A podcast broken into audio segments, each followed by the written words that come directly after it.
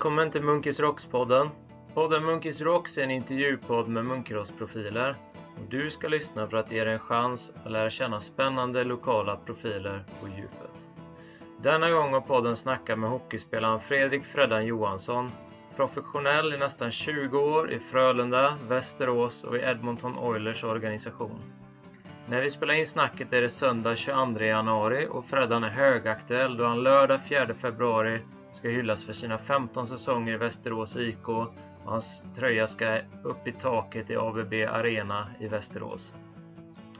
En rimlig tidpunkt för att blicka tillbaka på allt han upplevt och bidragit med sitt hockeyliv, vilket är en hel del. Det blev det längsta avsnittet hittills. Freddan fyller 39 år i februari, bor idag i Västerås med fru och tre barn men är uppväxt i Munkedal. Vi avhandlar hur livet ser ut efter karriären, uppväxten i Munkedal, tiden som ungdomsspelare i Munkedal och Lysekil, flytten till Göteborg och guldregnet under gymnasieåren i Frölunda, tiden i elitserien, att bli draftad och signad av Edmonton Oilers i NHL och såklart den långa tiden i Västerås med relegering, uppflyttning, framgångar, kaptenskap. Samt såklart den mörka tiden med skador och kampen mot dotterns sjukdom. Vi hinner också avhandla en hel del profiler som Freddan stött på genom åren och några hälsningar från gamla stjärnspelare till lagkompisar. Du kan lyssna på Munkis Rocks-podden på Podbean, Apple Podcaster, Spotify eller på Google Podcast.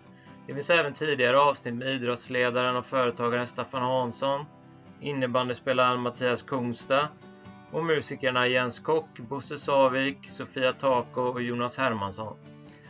Följ podden på Google Podcast, Spotify, Apple Podcaster, Facebook, Instagram eller Twitter för att inte missa nya avsnitt. Podden görs i samarbete med Gabrielssons måleri som stöttar och täcker en del av de kostnader som produktionen medför. Behöver du eller din verksamhet hjälp med större målerijobb? Tveka inte att anlita Gabrielssons och stötta de som stöttar Munkis Rocks. Stort tack till Gabrielssons måleri för att ni stöttar podden. Har din firma eller förening ett budskap ni vill ska nå ut till munkedalingar? Eller vill ni sponsra och därmed bidra till fler poddar och texter med Munkedalsfokus? Hör av er via mail till anderssonrickard.hotmail.com Anderssonrickard är ett ord, Rickard med ch, hotmail.com eller via Munkis Rocks Facebook, Twitter eller Instagram-sida. Ett annat sätt att stötta podden är att lyssna på den eller berätta om podden för andra som kan vara intresserade, till exempel genom att dela inlägg och avsnitt i sociala medier. Hör också gärna av dig med förslag på profiler från Munkedal som du skulle vilja lyssna på, så ska vi se om vi kan få ihop fler snack med intressanta munkedalingar. Stort tack till er som lyssnar och på andra sätt bidrar. Nu till Fredrik Freddan Johansson. Hoppas ni ska uppskatta att lyssna på vårt snack. Ja, men tjena Freddan! Ja, god dagens. Eh, kul att du ville ta ett snack här om din karriär och att du låter mig spela in det här också. Ja, det, det var du värd. Alla som lyssnar kanske inte känner oss eh, så väl, så jag tänkte få lite transparent här nu då och säga att eh, jag är ju din kusin då kanske till viss del har koll på vissa grejer som vi frågar efter och sådär, men eh, för att eh, det ska vara lite tillgängligare för andra så, så eh, ställer jag ändå vissa frågor för att, för att få upp bilden. Men jag tänker också att vi börjar med en liten kort presentation, inte för min skull men för andra lyssnares. Och du är ju då, eller är, eller har varit ska man väl säga, hockeyspelare. Professionell i nästan 20 år i Frölunda, Västerås, Edmonton Oilers organisation. Eh, fyller 39 år i februari. Bor i Västerås med fru och tre barn, men är uppväxt i Munkedal. Och eh, idag då när vi spelar in så är det söndag 22 januari och du är högaktuell för att du ska snart hyllas här eh, för dina 15 säsonger i Västerås. Din tröja ska upp i taket då i ABB Arena i Västerås 4 februari. Så det är om knappt två veckor. Och jag tyckte att det var en rimlig tidpunkt då för att blicka tillbaka på allt som du har upplevt och också bidragit med i ditt hockeyliv. vilket då blir en hel del. Det kanske blir det längsta avsnittet jag har spelat in hittills. Vi får se när vi är färdiga. Men det ska bli jäkligt kul i alla fall. Hoppas du ser fram emot det också. Ja, det ska bli jätteroligt att säga. Och gå igenom lite vad, saker man kanske har glömt av för egen del också så man får en, en reminder vad man har, vad man har gjort genom åren. Ja, det är många säsonger så det kommer att bli skrapa lite på ytan på vissa här, men jag vill ändå få en helhetsbild och inte missa något. Så, så det blir lite fördjupningar och lite skrapa på ytan på vissa säsonger också. Jag tänker vi börjar lite från, från där du är idag då. Eh, nu är du inte hockeyspelare längre, men eh, hur ser livet ut idag? Vad tar upp din tid och hur ser en vanlig dag ut? Mm, ja, nej men precis. Det är ju snart, eh, eller det är två år sedan nu då som jag avslutade min karriär och eh, under, under mina sista år så utbildade jag mig till fastighetsmäklare. Så det var liksom en ganska smidig övergång där från, att jag avslutade till att jag hoppade in på det där spåret istället. Så det är väl förstås det då som upptar min tid nu och, och förutom familj och, och barn då naturligtvis, tre barn. Så det, är väl, det är väl det och ja, det finns att göra. Vad, vad gör du då förutom att jobba och vara med familjen? Tränar du något? Kollar du någon hockey nu för tiden? Är du med i VIK någonting? Jag, har, jag är inte med eller involverad i VIK eh, någonting eh, på det sättet. Eh, just nu inga barn som, som spelar hockey heller, eh, annars hade man väl varit med där på någon vänster. Men eh, Eh, Eh, jag ser eh, en del eh, matcher förstås med Vik. Första året där när jag hade lagt av så, så var det inte så mycket men, men i år är det betydligt fler matcher. Om inte man är där live så brukar man se dem på TVn i alla fall. ja, och sen tränar jag förstås också lite grann, motionär. På gymmet och ute och joggar och, och rensar skallen, typ sådär. någon veteranträning, hockey eh, någon gång emellanåt. Ehm, det är väl det. Ja. Ett nytt och annat liv helt enkelt. Ja, det är ju det. Det är ganska stor skillnad. Ehm, ganska, ganska avslappnande om man säger. Till skillnad mot egentligen att vara elitidrottsman. Mm. Mm. Eh, du, jag tänkte att vi skulle backa lite bandet då till början för att förstå liksom hur du hamnar där, i, där du är idag då med att en tröja ska upp i taket i, i Västerås, vilket ju är få förunnat att få den äran. Eh, du är född 84 då, uppväxt i Munkedal. Eh, först på Lillafors bodde du och sen eh, Foss Västergård med föräldrarna och en lillebrorsa, Henke. Och pappa Per är känd i Munkedal som Per Vaktis, hockeytränare och vaktmästare på högstadieskolan i ja, 40 år tror jag, eller något sånt där. Väldigt länge.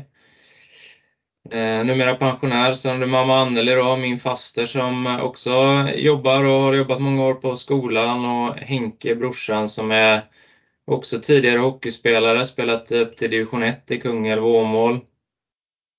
Eh, numera PT på, på gymmet på badanstalten i Strömstad. Eh, hur var det för dig att växa upp i Munkedal tycker du? Ah, det var ju mm, jättebra. Um, jättebra förutsättning till allting egentligen. Vad man än ville göra så, så fanns det där nära och bra. Och, eh, mycket vänner och kompisar och, och sådär. Och jag fastnade ju tidigt för idrotten, eh, inte bara hockey utan eh, även fotboll och ja, bordtennis. Och det var väl lite innebandy och lite kanske testa friidrott lite grann. Eh, så det fanns ju möjligheter till att göra egentligen vad man ville. Och eh, heller inga, inga avstånd utan att man, man kunde ju ta sig. Och man hade väl liksom kompisar i i alla de här sammanhangen också. Så att eh, så man kom inte själv någonstans utan kände alltid någon. Mm. Kan du berätta lite hur idrottandet såg ut där i unga år? Hur och när började du med hockey till exempel? Eh, ja, men det var ju ganska tidigt. Jag vet väl kanske inte exakt eh, hur tidigt man började i något, lag sådär, men det var väl några år, tre, fyra, fem år kanske, eh, lite hockeyskola och så var man där, jag, jag, har ju fått berättat för mig att eh, första tillfällena så ville man dit, eh, tjata till sig, åka dit och sen när man kom dit så klev ut på isen så ville man åka hem igen. Så det är väl lite klassiskt för, för, många, för många mindre kanske. Men, men jag fastnade tidigt och eh, eh, jag tyckte helt enkelt att det var jätteroligt. Men som sagt, ja, det var liksom fotboll. Full, full eh, sjå med fotbollen också eh, där, så det var väl de två stora sakerna som jag höll på med egentligen. Mm. Och hockeyintresset fanns ju i familjen där och pappa spelade i många år, en bit över 40 när han slutade tror jag. Jag vet inte riktigt när han la av egentligen, men vad minns du av honom som spelare? Eh, ja, det är inte så jättemycket faktiskt. Eh, det gör jag inte. Högerskytt och back ja. var väl det jag minns. Eh, men sen kan jag faktiskt inte påstå att jag har, eh, har några minnen så från hur han var som spelare. Eh, faktiskt Nej. inte. Nej. Hade du några andra intressen än idrott när du växte upp?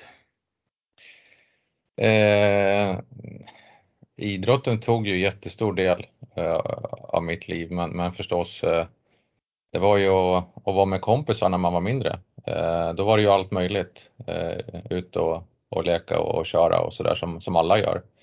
Men, eh, men idrotten tog ju över mer och mer ju, ju, äldre man blev, definitivt. Så det var, det var ju det som man tyckte var absolut roligast, kan jag säga. Mm. Varför blev det just hockey då, före fotbollen framförallt och andra idrotter? Ja, det är en bra fråga. Ehm, jag vet inte, säkert en kombination av, flera saker, men eh, jag tyckte ju att det var, det var väldigt roligt. Ehm, och eh, jag, var väl, om man säger, tidig i utvecklingen där också, så kanske det eh, spelade ihop att, att det blev eh, roligare på så sätt också. Ehm, är möjligt. Så, så hockeyn gick ju liksom före alltid. Om det, om det skulle krocka av någon anledning någon gång så var det ju hockeyn som jag helst ville eh, köra på. Um, mm.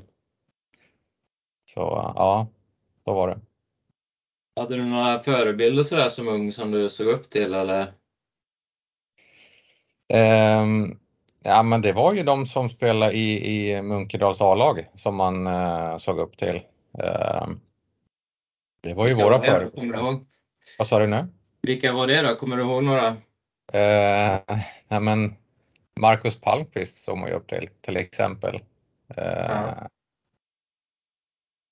Han tog för sig och eh, eh sen, ha, sen har vi ju bröderna Last naturligtvis.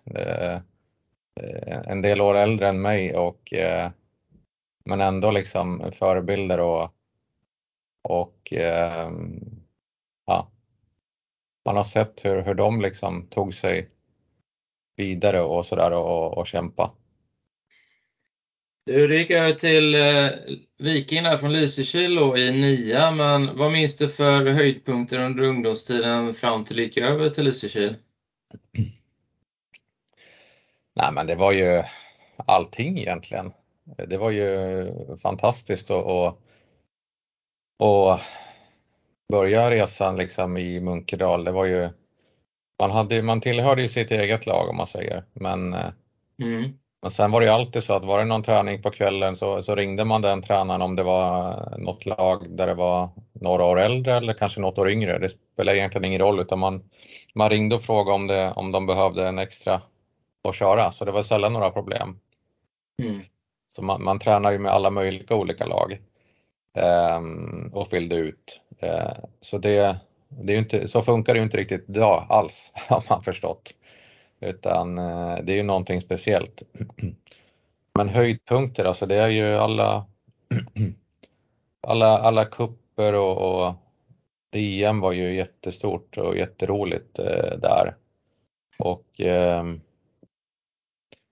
ja, man hängde ju där jättemycket eh, på loven och, åkte skridskor med, med kompisarna och bara, eh, bara var.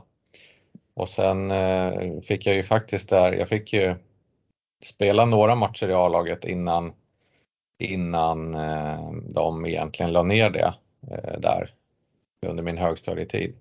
Mm. Och det var ju också riktigt roligt, måste jag säga. Minns du när du debuterade i Munkedals A-lag? Ja, jag minns att jag var ju väldigt nervös. Mm. Otroligt nervös var jag innan eh, första matchen. Eh, Hur gammal var du? Förlåt? Hur gammal var du? Eh, jag gick i sjuan. Jag var 13 då. 13? Vet jag, och spelade 4, 5, 6 matcher någonting det innan, innan den säsongen var slut. Um, men jag, jag, minns inte själva matchen och sådär mer än att jag var otroligt nervös innan, innan första tillfället. Kommer du ihåg hur mycket du tränade på den här tiden? Liksom var det allmänhetens åkning, eh, fotboll, du var i gymmet? Eh, eller när började du gå till gymmet och sådär? Um, nej men det var ju det var ju hur mycket man tränade. Nej, men det var säkert någon aktivitet varje dag med, med fotboll och, och hockey under högstadietiderna där. Eh, och gymmet, det kom väl in lite grann säkert under eh, högstadiet, det började på högstadiet också, att man var där och försökte lära sig lite hur man skulle göra med teknik och allt sånt där. Eh, mm. man höll ju igång hela tiden mer eller mindre. Absolut. Mm. Kommer du ihåg eh, vilka ledare du hade och så när du var i Munkedal? Ja, det gör jag ju. Det var ju, det har varit väldigt många. Ja. Så jag glömmer ju säkert några, men, eh, men um, Björn Kjellman har ju varit med mycket, Mideko var ju med tidigt där. Ja. Eh, sen har du ju Staffan, Staffan Olsson, eh, många år. Pappa var ju med eh, också. De varvar väl lite grann där. De var ju ledare för ja, 80, från födda 85 till 82 kanske eller något liknande.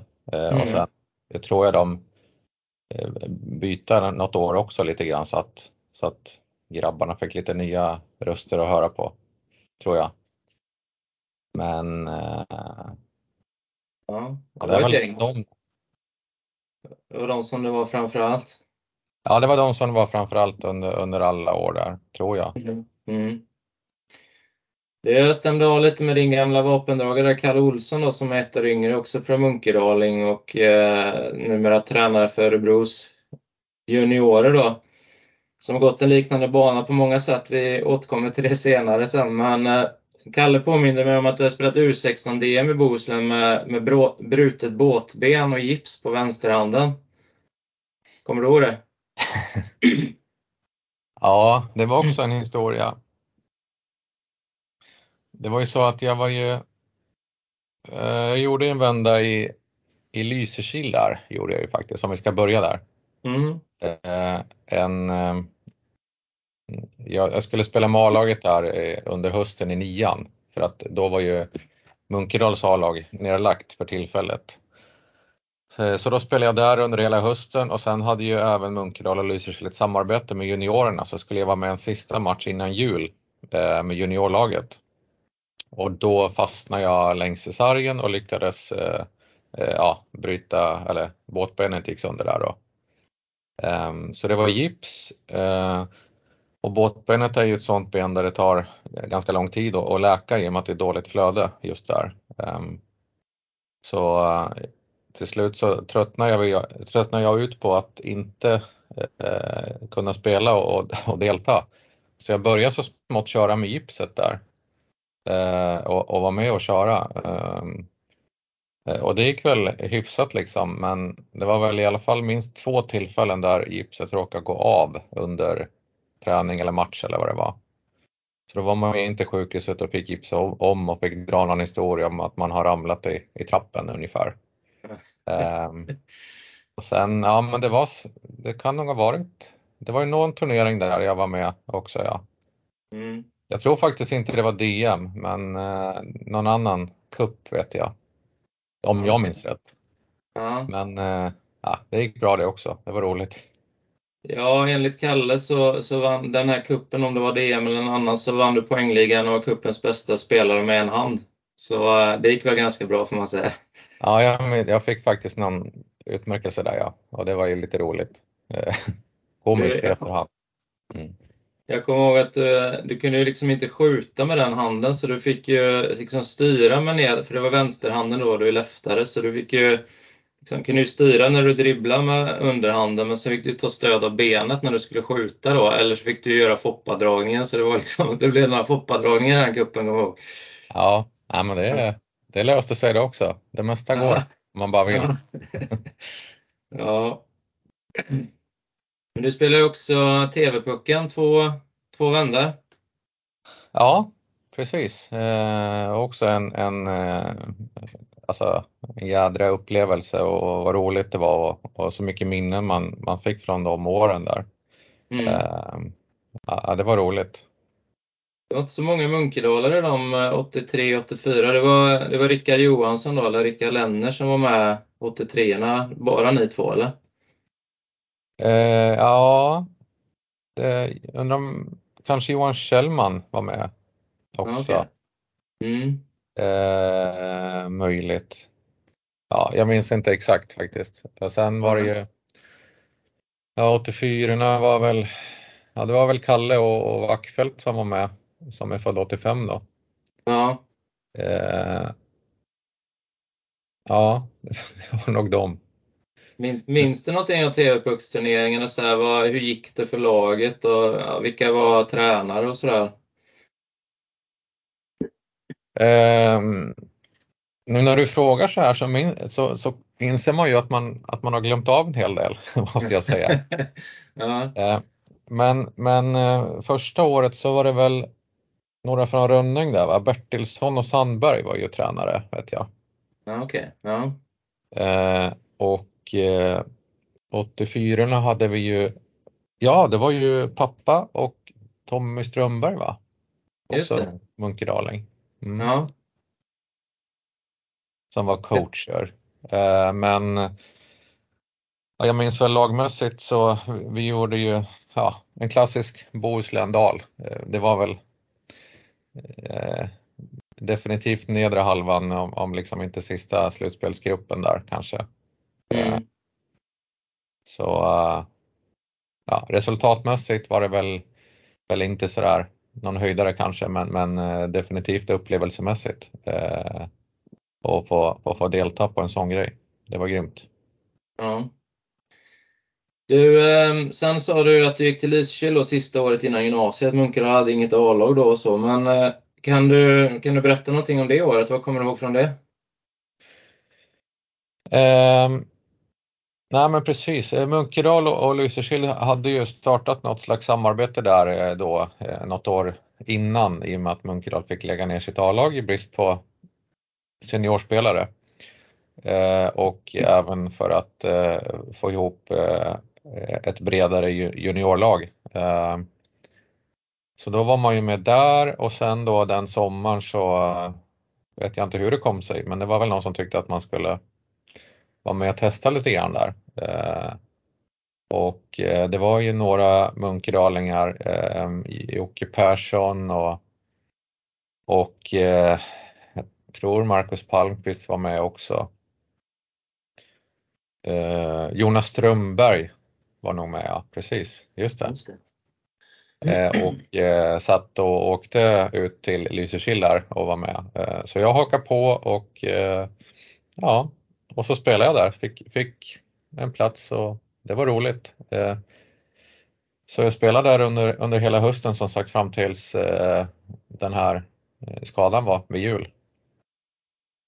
De hade värvat in en hel del spelare då, eller inte bara de här lokala va? Det var lite utländska spelare så redan då va? Ja precis, då mm. gjorde de ett ryck och, och ville satsa där och som jag minns det så gick det rätt bra liksom jag tror att vi låg i, bra till i, tabellen hela vägen där eh, och det var ju ett antal ryssar eh, också eh, som man minns idag.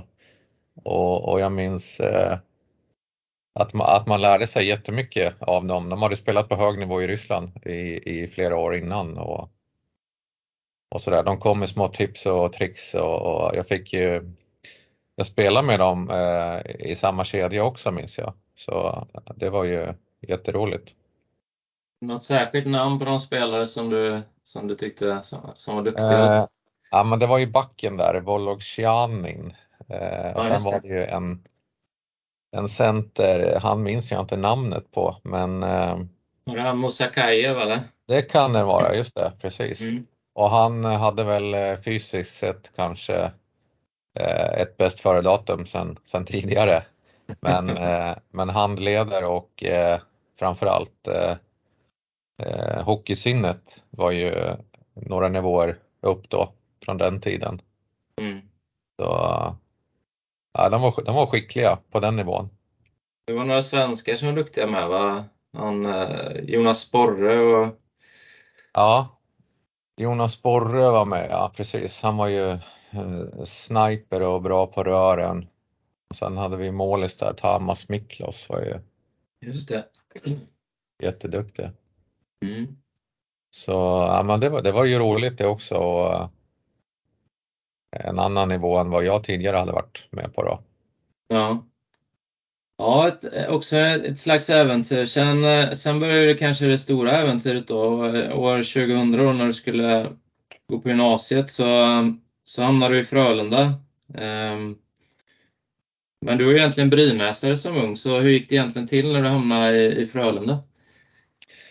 Ja, Brynäs har man ju hållit på sedan när man var jätteliten där. Eh, så det var ju, nej men vi, eh, jag hade ju varit ner till Göteborg på, på höstlov och jullov och sånt där eh, något år tidigare och, och testat mig för och jag var väl på några fler ställen och, och hälsade på sådär som man gör i den åldern. Men, men Frölunda kändes ju absolut bäst eh, på, många plan eh, förstås eh, att det var det stället som var absolut närmst. Närmst hem, vilket är, jag tyckte att var jätteviktigt och sen, sen ehm, ja, det var, att det var en bra förening med, med bra möjligheter och, och, och bra spelare också. Så, så liksom hela paketet eh, gjorde nog att, att det, det var egentligen inget, inget snack till slut där att det, att det skulle bli det. När de väl ville att jag skulle komma dit vill säga. Vem var det som hade kontakten med dig från Frölunda på den tiden eller vem var det som värvade in dig liksom? Um, då var det ju um, Christer Källgren och Jocke Pilström höll ju på med det då, mm. vet jag. Um, under min högstadietid. Så det var väl dem jag hade kontakt med de som var ansvariga för, för sånt då. Mm. Mm. Du sa ju det att det var, det var en del duktiga spelare där och jag tänkte jag skulle droppa några. Du hamnade ju rätt omgående i J20 där i Frölunda. Egentligen när man kommer som junior så är det naturliga kanske att man tillhör J18 direkt då, som är det yngre juniorlaget, men du spelar några matcher där och, och en del i J20. Och det var ju det var ju rätt bra J20-lag, så för det första vann ju J20 SM-guld dina tre första år. Ehm, och det var ett skapligt namnkunnigt lag. För första året du var där så Vissa av dem var utlånade delvis då, men det var ju bland annat Joel Lundqvist, Alexander Sten, Fredrik Sjöström, Magnus Kahnberg, Ari Tolsa, Henke Lundqvist och senare Louis Eriksson. Men också en del som du spelade med senare, Per Helmersson, Jonas Lettma, Kalle Olsson och förstås, som alla följde med till Västerås. För att nämna några bara. Ja, ja. ja det var ju jättemånga duktiga spelare och många fler än de du egentligen nämnde nu som mm. var kanonduktiga. Så det var ju jättebra toppar men också jättebrett brett lag om man säger sådär. Mm. Så, så um, det var som du sa, alltså att det var ju det var något år där vi, ja det var faktiskt väldigt bra sportsligt. Mm. Eh, så, ehm, och som sagt så lyckades vi vinna eh, tre första J20 där och sen åkte vi ut i semin mitt sista år, eh, mm. vet jag. Mm. Och, och, även J18 eh, vann vi också något år där och, mm och sådär. Men, men Frölunda då var ju eh, både något år innan jag kom och sen eh, flera år när jag hade växt ur juniortiden så var de ju väldigt framgångsrika faktiskt. Sen vet jag inte mm. exakt hur många, många guld man fick under den tiden men, men eh, det var bra då. Mm. Jag pratade med Emil Olsén där som var en av tränarna, han var assisterande i 18 tror jag ditt första år där, men uh, jag tror att han hade 13 SM-guld eller något sånt där under sin tid i Frölunda på junior och A-lag då. Ja.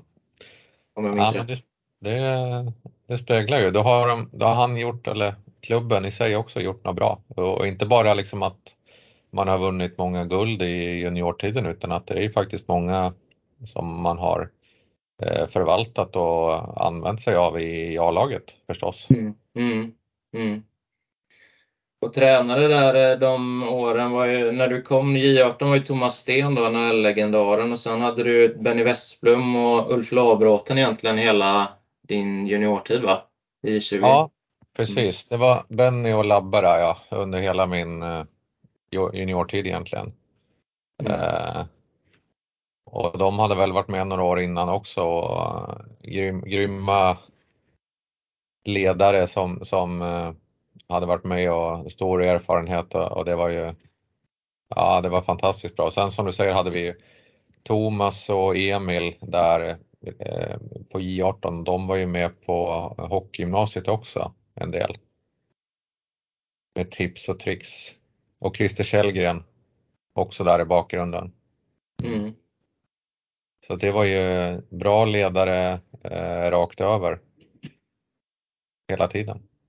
Hur var det att komma till Frölundas juniorer? Liksom, vad, vad minns du av första tiden där med att flytta hemifrån och komma in i en ny stad och bo själv? Och... Nej men det var ju det var ju tufft det är ju inget att, att snacka om att flytta hemifrån ändå, det är ganska tidigt. Ehm, men jag ville ju det så pass mycket. Men jag tänkte ju faktiskt flera gånger att, att det har varit skönt att haft med sig någon mer från absolut första början liksom. Ehm, så att man hade, haft någon, någon kompis från början. Ehm, men, men eh, sen, det går ju snabbt också att skaffa sig kompisar, men just den första tiden så, så minns jag att jag tänkte så. Mm. Vilka hängde du med där i början? Kommer du ihåg det? Liksom, om det var några, var det några som blev polare med snabbt? Eh, nej men det var ju, det var ju, vad kan det ha varit, sju, åtta, nio stycken som gick i samma klasser där i, i hockeygymnasiet. Eh, Eh, så det var ju de där då. Ehm, Peter Karlsson och Erik Björklund, Henrik Björkman, Henrik Ivarsson, Kristoffer Ekholm och Sten. Så ja, det var ju vi som mm. hängde i, i samma årskullar liksom och var mycket. Ja. Förutom att spela i Frölundas juniorer så spelar du också 70, eh, runt 70 juniorlandskamper under den här tiden. Och bara för att nämna några i din åldersgrupp där, eller de som spelar i den. Det var ju Alexander Sten då, som du nämnde. Eh, Robert Nilsson, han var ett år yngre där, men det är ju Kenta Nilssons grabb. Tobias Enström som spelar NHL senare. Pierre Jonsson som är, han spelar ju länge i Frölunda och Luleå assisterande för, förbundskapten i, i juniorkronorna nu. Daniel Sondell, Johan Fransson, Johan Bagan Andersson som var kapten i Timrå länge i SHL. Eh, hur var det att spela för Sverige och spela landskamper och sådär? Vad, vad minns du av det? Ja, det var ju också en jäkla upplevelse. Eh, det var ju samma där som, som jag nämnde första matchen i, i Munkedals A-lag. Eh, att man var nervös och det var ju precis lika liksom inför första tillfället och landskampen. Eh, då tyckte man ju det att det var liksom hur stort som helst och jätteroligt. Och där har man ju också fått massa upplevelser, liksom inte bara hockeymässigt utan egentligen fått åka runt i, i stora delar av, ja, vissa delar av Europa och Ryssland och även eh, Kanada var man ju med landslaget och fick upplevelser och, och se hur det gått till och lite annan kultur och sådär. Um, så uh, det har ju också varit fantastiskt roligt. Mm.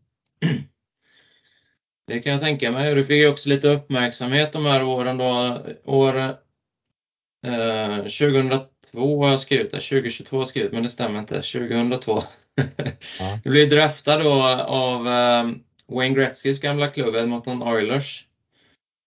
under den här tiden på gymnasiet. Vad, vad minns du av det? Eh, ja, vad minns man av det? Det var väl att eh, det gick väl ganska bra liksom där under mitt draftår egentligen eh, hela vägen fram tills eh, U18-VM där vi som lag och jag själv kanske inte, eller vi gjorde väl ingen bra turnering alls egentligen. Eh, men ja, fram tills dess gick det rätt bra. Sen så tror jag man droppade lite på den där rankingen. Ja, okay. Men nej, det var ju också jätteroligt att få, få blivit vald om man säger så. Det var ju stort när man är i den åldern. Helt klart. Mm.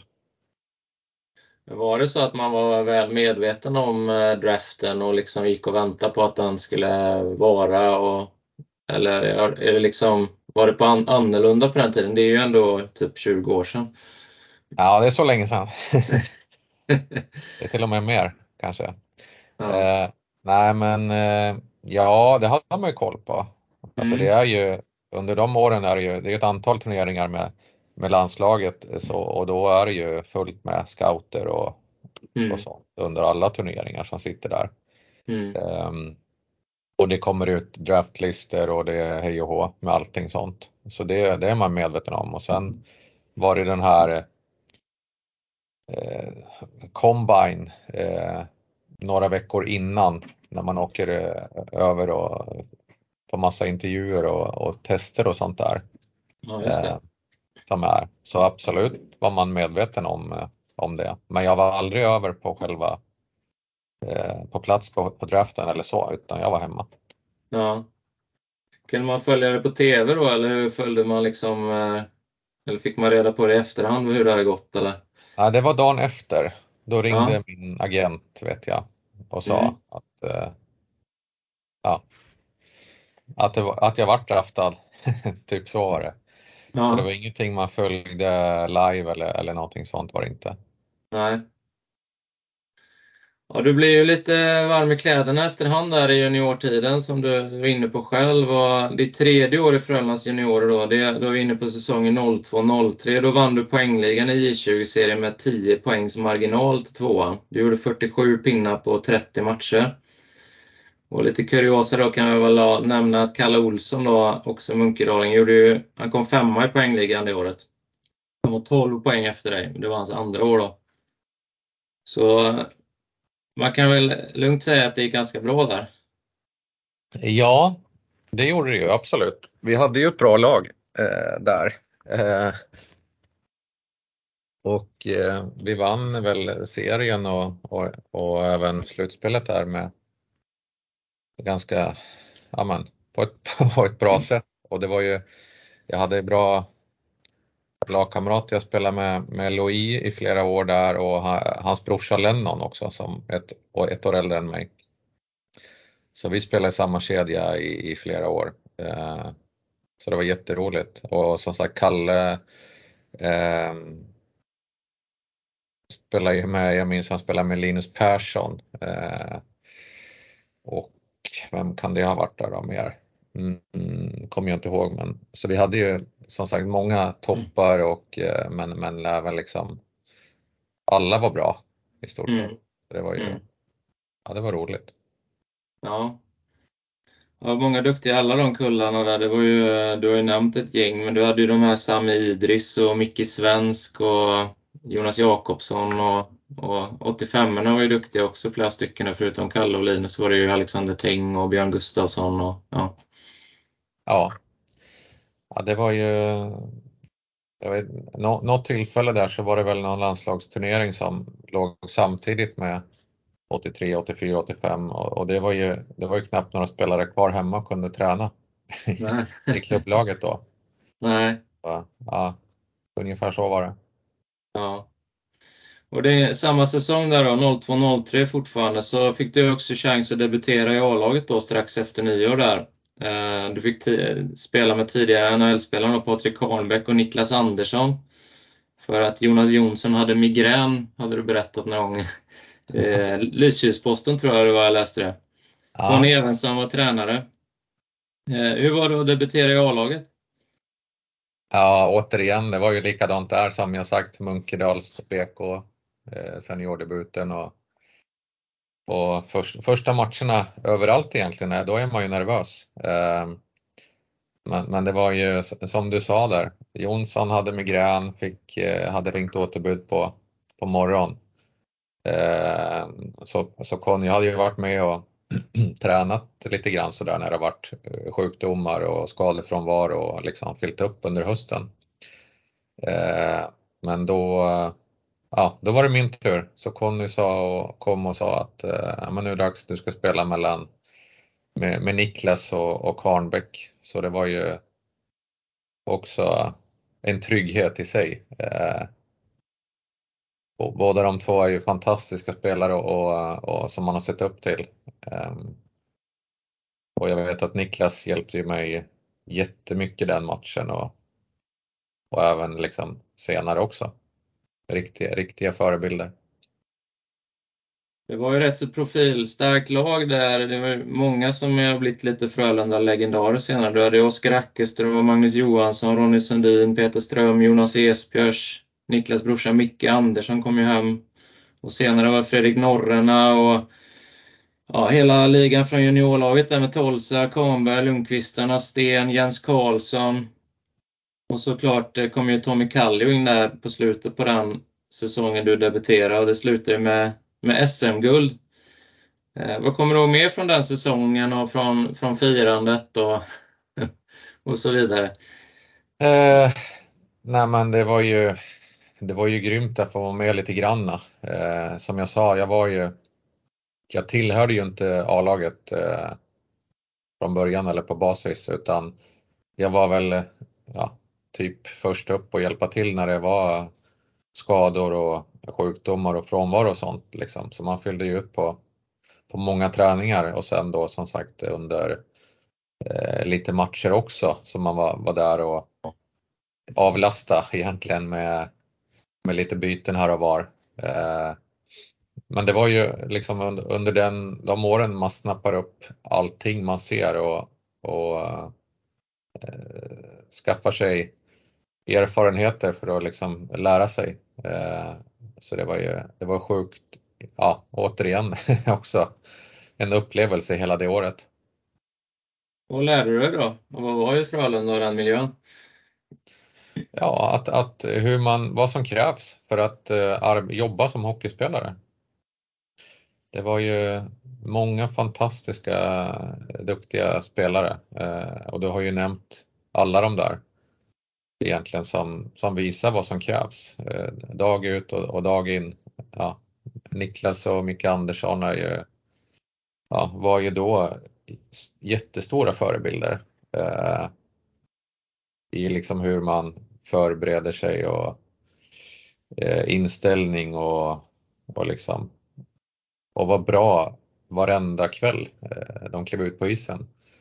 Eh, och sen andra ledare där, Jonsson, Jonas Jonsson och Ronny Sundin och ja, det var många man såg upp till eh, och lärde sig av. Mm. Och eh, totalt då så eh, var du med och vann tre J20. Du vann ju de tre första åren där som jag nämnde. Du var med och vann ett J18 och guld också. Ett senior-SM-guld. Ehm, hur skulle du vilja summera din juniortid? Du, efter den här säsongen 03-04 då så lämnar du eh, Frölunda. Men vad, om man ska summera Frölunda-tiden? Eh, ja, man, där tog man ju jättestora kliv som både som eh, person och naturligtvis i hockeyn också. Eh, men om man summerar så är det ju väldigt mycket, väldigt mycket träning. Man fick lära sig att träna och fick eh, pannben, eh, lärde man sig. Efter den tiden så, så egentligen träningen i sig, det är väl ingenting som är så jobbigt längre, utan man fick lära sig där och då. Eh, hur det funkar. Och sen eh, jättemycket framgångar som du varit inne på här också. Eh, eh och mycket minnen och ja, en jätterolig tid var det ju. Du lämnade dock Frölunda efter säsongen 03-04 där och gick till, till Västerås. Och um, hur gick resonemanget där? Fanns det andra alternativ och, och varför lämnade du Frölunda? Eh, nej men jag eh, Lockouten kom ju där 04-05 och eh, då fanns det ju inte en, en chans för mig egentligen utan jag var ju längre ner i hierarkin eh, och eh, det var klart tidigt att jag skulle röra mig vidare egentligen. Eh, och det fanns ju lite klubbar och, som man var och tittade på och funderade kring. Men eh, Vilka var det då? Eh, det var Rögle, det var Bofors vet jag, pratade lite med. Eh, Hammarby var jag också och pratade med, minns jag. Ja. Och eh, var det något mer? Ja, vad, var det som, vad var det som gjorde att det blev Västerås då? Nej, men det kändes som, det kändes liksom från början som att det var en hockeystad. Uh, att det finns en, en historia kring hockeyn liksom och uh, även bra förutsättningar liksom här. Uh, allting, de hade ju, Västerås hade gått i, i konkurs eh, 99, eh, millennieskiftet där och fått starta om eh, i lägre serie då och sen tagit en serie per år ungefär. Eh, och det var lite profilstarka namn också som spelade. Du hade Pelle Bäckman som tränare och du hade eh, Popovic och Patrik Julin, eh, Patrik Zetterberg och Mattias Löv, Fredan Nilsson eh, som var här också. Så att mm. det var liksom ett, ett, ett, ändå ett namnkunnigt lag och och som sagt bra tränare, bra möjligheter och det kändes helt enkelt, det kändes rätt liksom från början att ta det klivet. Eh, och sen eh, några månader innan, eller några veckor innan så hade ju Lettma som vi nämnde tidigare också eh, redan skrivit på för Västerås. Mm. Eh, och gick dit samtidigt. Så det var ju också eh, bra. Så ungefär så gick tankarna då. Ja. Bara för att fylla ut lite där Patrik Julin då. Han var ju hemvändare som spelat OS och World Cup för Sverige bland annat och spelat NHL för Philadelphia Flyers. Fredrik Nilsson hade ju spelat en massa landskamper där som du nämnde. Eh, Tobias Lundqvist vann interna poängligan det året. Eh, sen var det ju också viklegendarer då som Marcus Söderqvist, och Andreas Lind. Eh, och förutom Lettmar då som du kände sen innan så var även Sebbe Meyer från juniorlandslaget Erik Ersberg var också med i den svängen. Ni hamnade femma i norra serien det året om jag tolkar EP rätt. Det var alltså två allsvenskor man säga. Ja, det, så var det nog precis första mm. året. Att det var uppdelat norra, norra södra innan jul. Mm. Uh, ja, så var det nog ja. Hur var, hur var den här första tiden i Västerås för dig? Liksom? Var, hur kom du in i gänget och fick du förtroende av Pelle Bäckman direkt eller hur såg det ut? Eh, ja, jag kom in och kände direkt att jag trivdes jättebra. Eh, som sagt att det, att det är en, en hockeystad där folk bryr sig och verkligen eh, gillar hockey. Eh, det, det kom till mig direkt. Och sen var det ju de här som du sa, eh, Lettma Eh, hade, vi, hade jag med mig från Göteborg och eh, Sebbe Meyer som man kände under flera år tidigare som man hängde jättemycket med eh, varje dag. Så vi hade ju svinkul och sen hockeymässigt var det ju liksom Eh, man fick, man fick ändå en, en framskjuten roll och, och spela jättemycket och förtroende av, av Bäckman där. Så det liksom flöt på om man säger. Eh, Frölunda året innan, då hade man ju, då var det nästan tvärtom att då var det ju eh, en roll liksom i, i fjärde, fjärde line eh, och sådär, inte alls samma förtroende utan så det var liksom som att det kändes jättebra. Mm. Och sen eh, året därpå så kom ju även eh, Kalle Olsson från Munkedal också då och anslöt och det var bland annat de här ungtupparna Micke Backlund och Patrik Berglund som blev NHL-spelare sen som, som gjorde sina första matcher. De var 17 och 18 år. Eh, ni slutade nia i Hockeyallsvenskan det året och du gjorde själv eh, 25-30 poäng de här två första säsongerna. Eh, på vilket sätt tycker du att du utvecklas under de här första senioråren? Eh, när man utvecklingen, eh, det gick ju ändå, det gick ju ändå stadigt framåt ändå faktiskt. Eh, från, och, från Frölunda seniortiden att man liksom var med och, och se och lära och, och lite grann fick eh, som jag sa tidigare var, det var nedre halvan av den hierarkin till eh, första året i Västerås eh, spela liksom väldigt mycket och, och få en framskjuten roll. Eh, och det bara flöt på. Andra året i Västerås så var det ju lite mera lite mera press både på en själv och även på, på laget i sig. Eh, och Eh, så det lärde man sig också av att eh, ja, med, pressen och, och hela den biten som hör, hör till att egentligen jobba som hockeyspelare. Mm. Eh, vilket är en, en jättestor del egentligen i slutändan. Så det var väl främst kanske det då som man lärde sig. Mm. Det blev en annan position liksom som du var tvungen att hantera då kanske? Ja, lite så. Eh, det är det. Sen säsongen därpå då, nu är vi inne på 06-07, då fick du, man får nästan säga komma hem då till Frölunda igen vid den tidpunkten i alla fall. Ehm, du hade signat med Edmonton Oilers, eh, NHL-organisation då, som hade dina rättigheter i två år, så du var egentligen utlånad till Frölunda det första året då. Eh, var det självklart att komma tillbaka till Frölunda?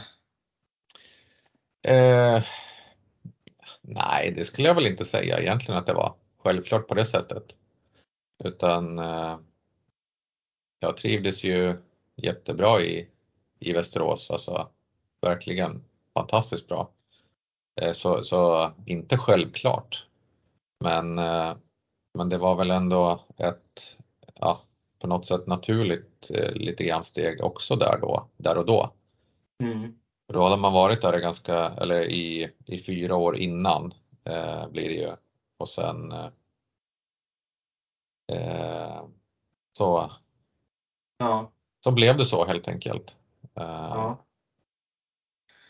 Och Frölunda var det ju ganska mycket samma stomme som var kvar egentligen med Kalli och Ronny och de här. Men det var också kommit till en del spelare, lite utländska spelare. Martin Plyss, eh, Steve Caria, Sean Bergenheim, Ante Jussiniemi, och så även eh, svenska legendarer som Jan-Axel Allavara och Tommy Salo hade kommit till.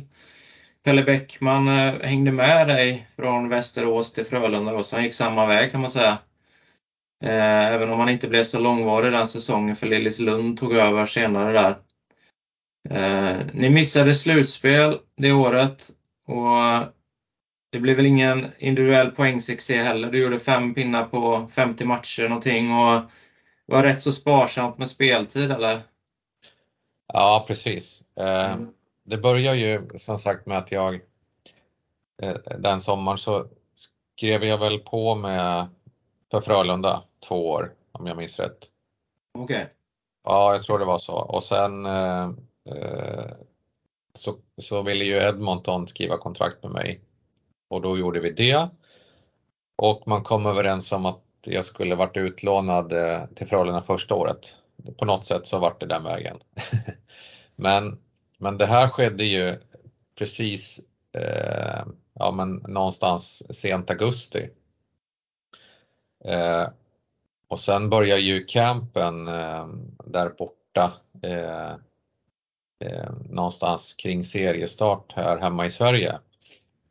Och jag minns att, eh, att jag hade inte den blekaste aningen om att jag skulle åka över på en camp eh, där och då, utan det kom ju till mig, jag tror faktiskt det var samma dag som, som jag skulle åka.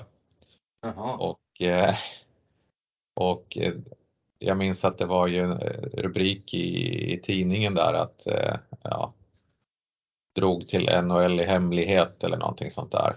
Och lite, Ja, det var ju, det var ju spännande. Men, eh, men som sagt, det hade jag ingen aning om eh, att det skulle ske. Och det var väl inte sådär jättevanligt då för, för 20 år sedan att det var så utan nu är det ju var och varannan spelare som signar med ett NHL-lag och eh, är med på camp och att det är förutbestämt att de är utlånade till Sverige något eller två år innan, innan de åker över. Så ja. det var ju lite nytt. Eh, så det började väl inte så jättebra med den där grejen egentligen kan jag säga. Eh, och sen kom jag hem då och eh, ja, som jag minns det så var det väl hyfsat eh, första matcherna sådär och, och sen, men jag fick ju en, en, li, en liknande roll med, med, i fjärde line om man säger så. Det var de som stod före mig i hierarkin och var bättre än mig helt enkelt.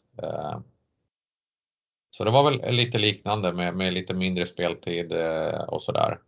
Mm, och sen Sen gick det ju lite tyngre för oss som lag också. Vi missade, vi kom i ingenmansland det året. Mm. Uh, ja, typ så. Ja.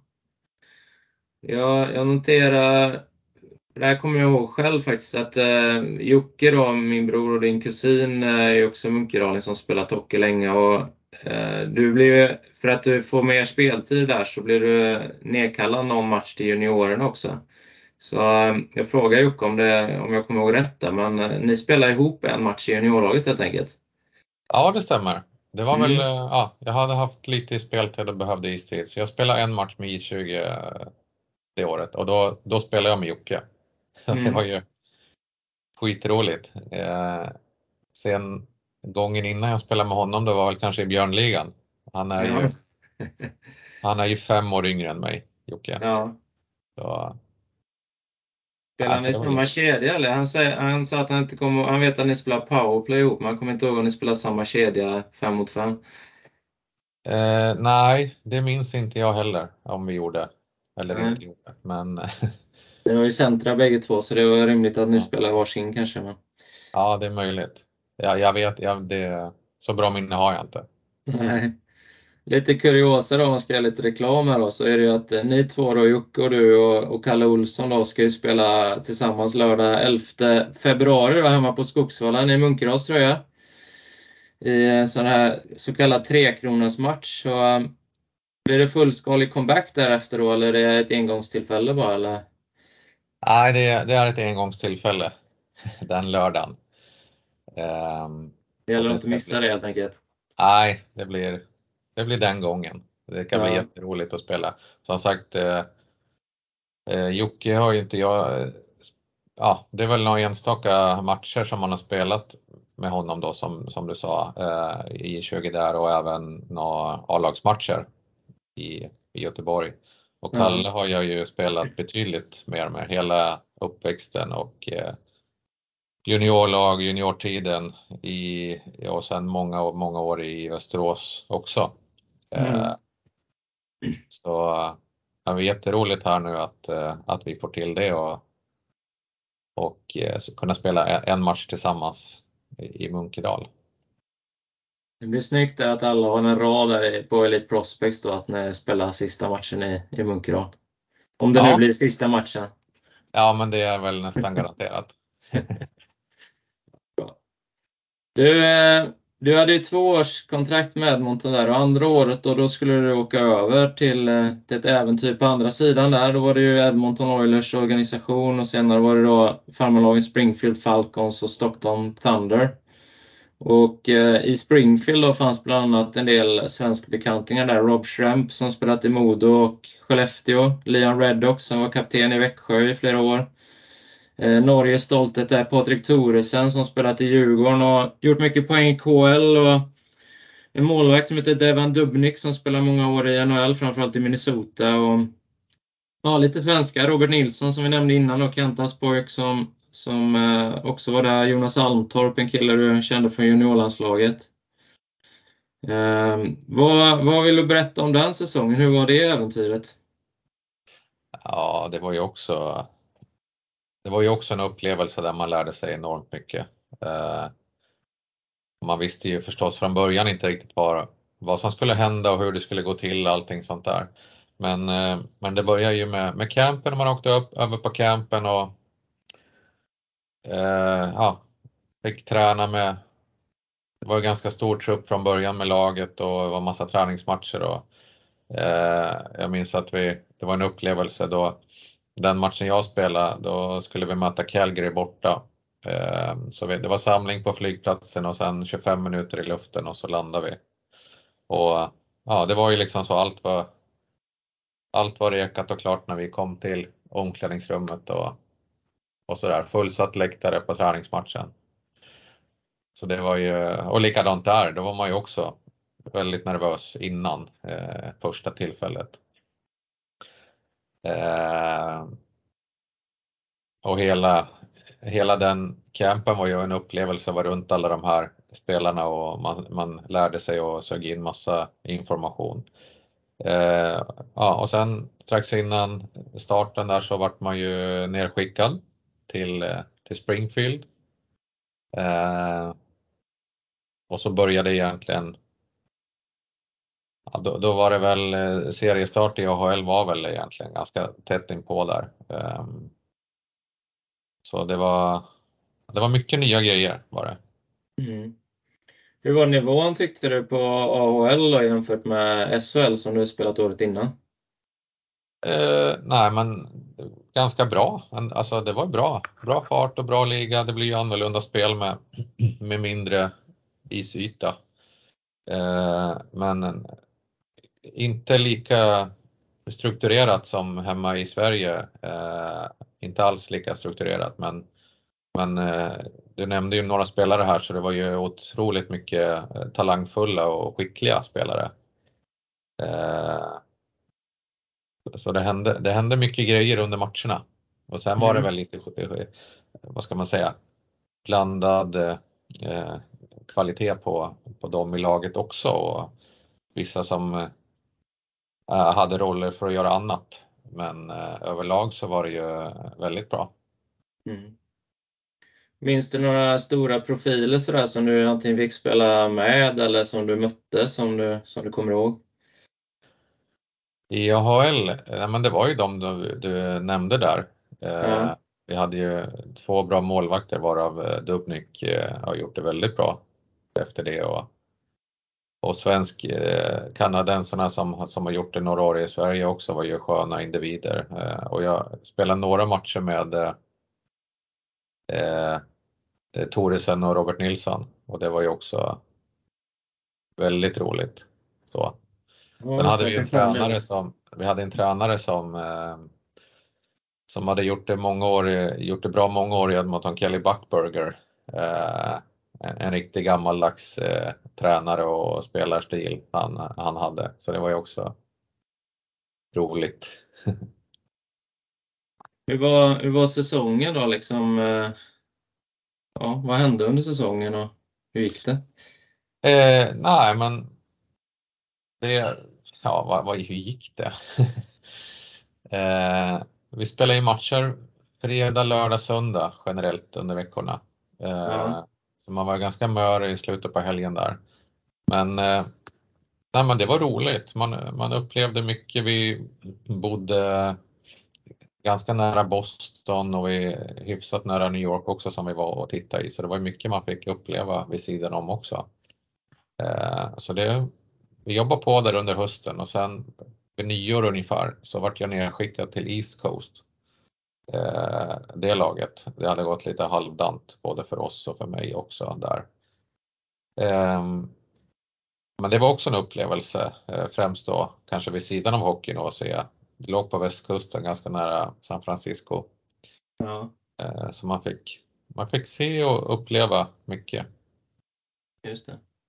Hur var nivån där då på East Coast kontra AHL? Ja, det, det var väl en ganska stor skillnad eh, kvalitetsmässigt, hockeymässigt. Mm. Det var det. Och också ganska stor spridning på, på dem i laget. På på individnivå. Eh, så det, det hacket var eh, ganska stor skillnad. Det var det. Men intresset... Var det liksom kunskaps kvalitetsmässigt eller var det liksom även ambitionsnivå och sådär eller? Nej, kunskaps och, eller kvalitetsmässigt. Det var väl det jag Mm. tänkte på främst då. Mm. Som är den stora skillnaden. Men, men stället som sådant var ju, intresset var ju jättestort. Det var, var mycket folk på läktaren, var en fin och ganska stor arena. Så minns jag inte exakt det men det var säkert 7-8 tusen sådär. Eh, och så. Men, eh, men kvalitetsmässigt kanske inte finns så mycket att skriva om. Nej, okej. Okay. Mm. Men visst var det så att eh, Sissi då, din fru, var, var med där, eller hur var det nu? Jag kommer inte ihåg själv riktigt, men... Jo, hon var med. Ja. Eh, hon kom över där eh, på hösten och sen var hon med mig eh, hela vägen fram tills vi, vi åkte hem egentligen där på vårkanten. Så det var ju också skönt. Vi fick, ja, man, eh, åkte runt och tittade på saker tillsammans när det fanns tid för det. Ja. Just det. Du, en fråga som passerade lite obesvarad där. Man, kommer, kommer du ihåg några spelare som du mötte sådär som blev stora profiler eh, senare eller som blev väldigt duktiga? Är det någon du minns? I AHL? Ja, Eh, Nej, det kan jag inte så här eh, minnas på rak arm. Eh, nej. inte motståndare som jag minns, men, men de medspelarna som har gjort det bra i Sverige här. Ja, Ja, som jag nämnt tidigare. ja. Men du, inför eh, säsongen därpå då, då, är vi inne på säsongen 08-09, då var rubriken på nätmagasinet Hockeysverige.se då, Eh, han väljer Västerås framför Leksand. Och eh, din agent då, Per Larsson säger i artikeln att det var tryggheten som avgjorde efter ett par tyngre säsonger. Och var du nära att du hamnade i Leksand eller? Eh, nej, men jag pratade med Leksand och var där och tittade och, och hälsade på sådär, vet jag. Eh, och det var väl några föreningar till. Eh, det var Rögle vet jag att, att vi var och pratade med och, och tittade på sådär. Eh, men, eh, men det var inte, i slutändan var det inte nära även om, även om jag var och pratade och tittade och, och allt, hela den biten utan det var ju det var nog då som, som, som du sa här, som Per sa, att det var tryggheten. Jag visste precis vad jag skulle få i Västerås. Eh, och, eh, och känna den tryggheten och, och jag kände ju stora delar i alla fall av, av laget. Eh, vi hade ju, ja men, men de kompisarna som jag hade då var kvar med, med till exempel Etma och, och Sebbe Meijer, tror jag om jag inte minns fel. Och förstås Kalle också då som jag som vi har eh, jaha, hängt efter varandra egentligen under all, alla år. Eh, lite komiskt men eh, eh, var ju där också. Så Ja. nej, i slutändan var det inte några tankar på annat utan det kändes jättebra. Det var ju en del av stommen var ju kvar som du nämnde där.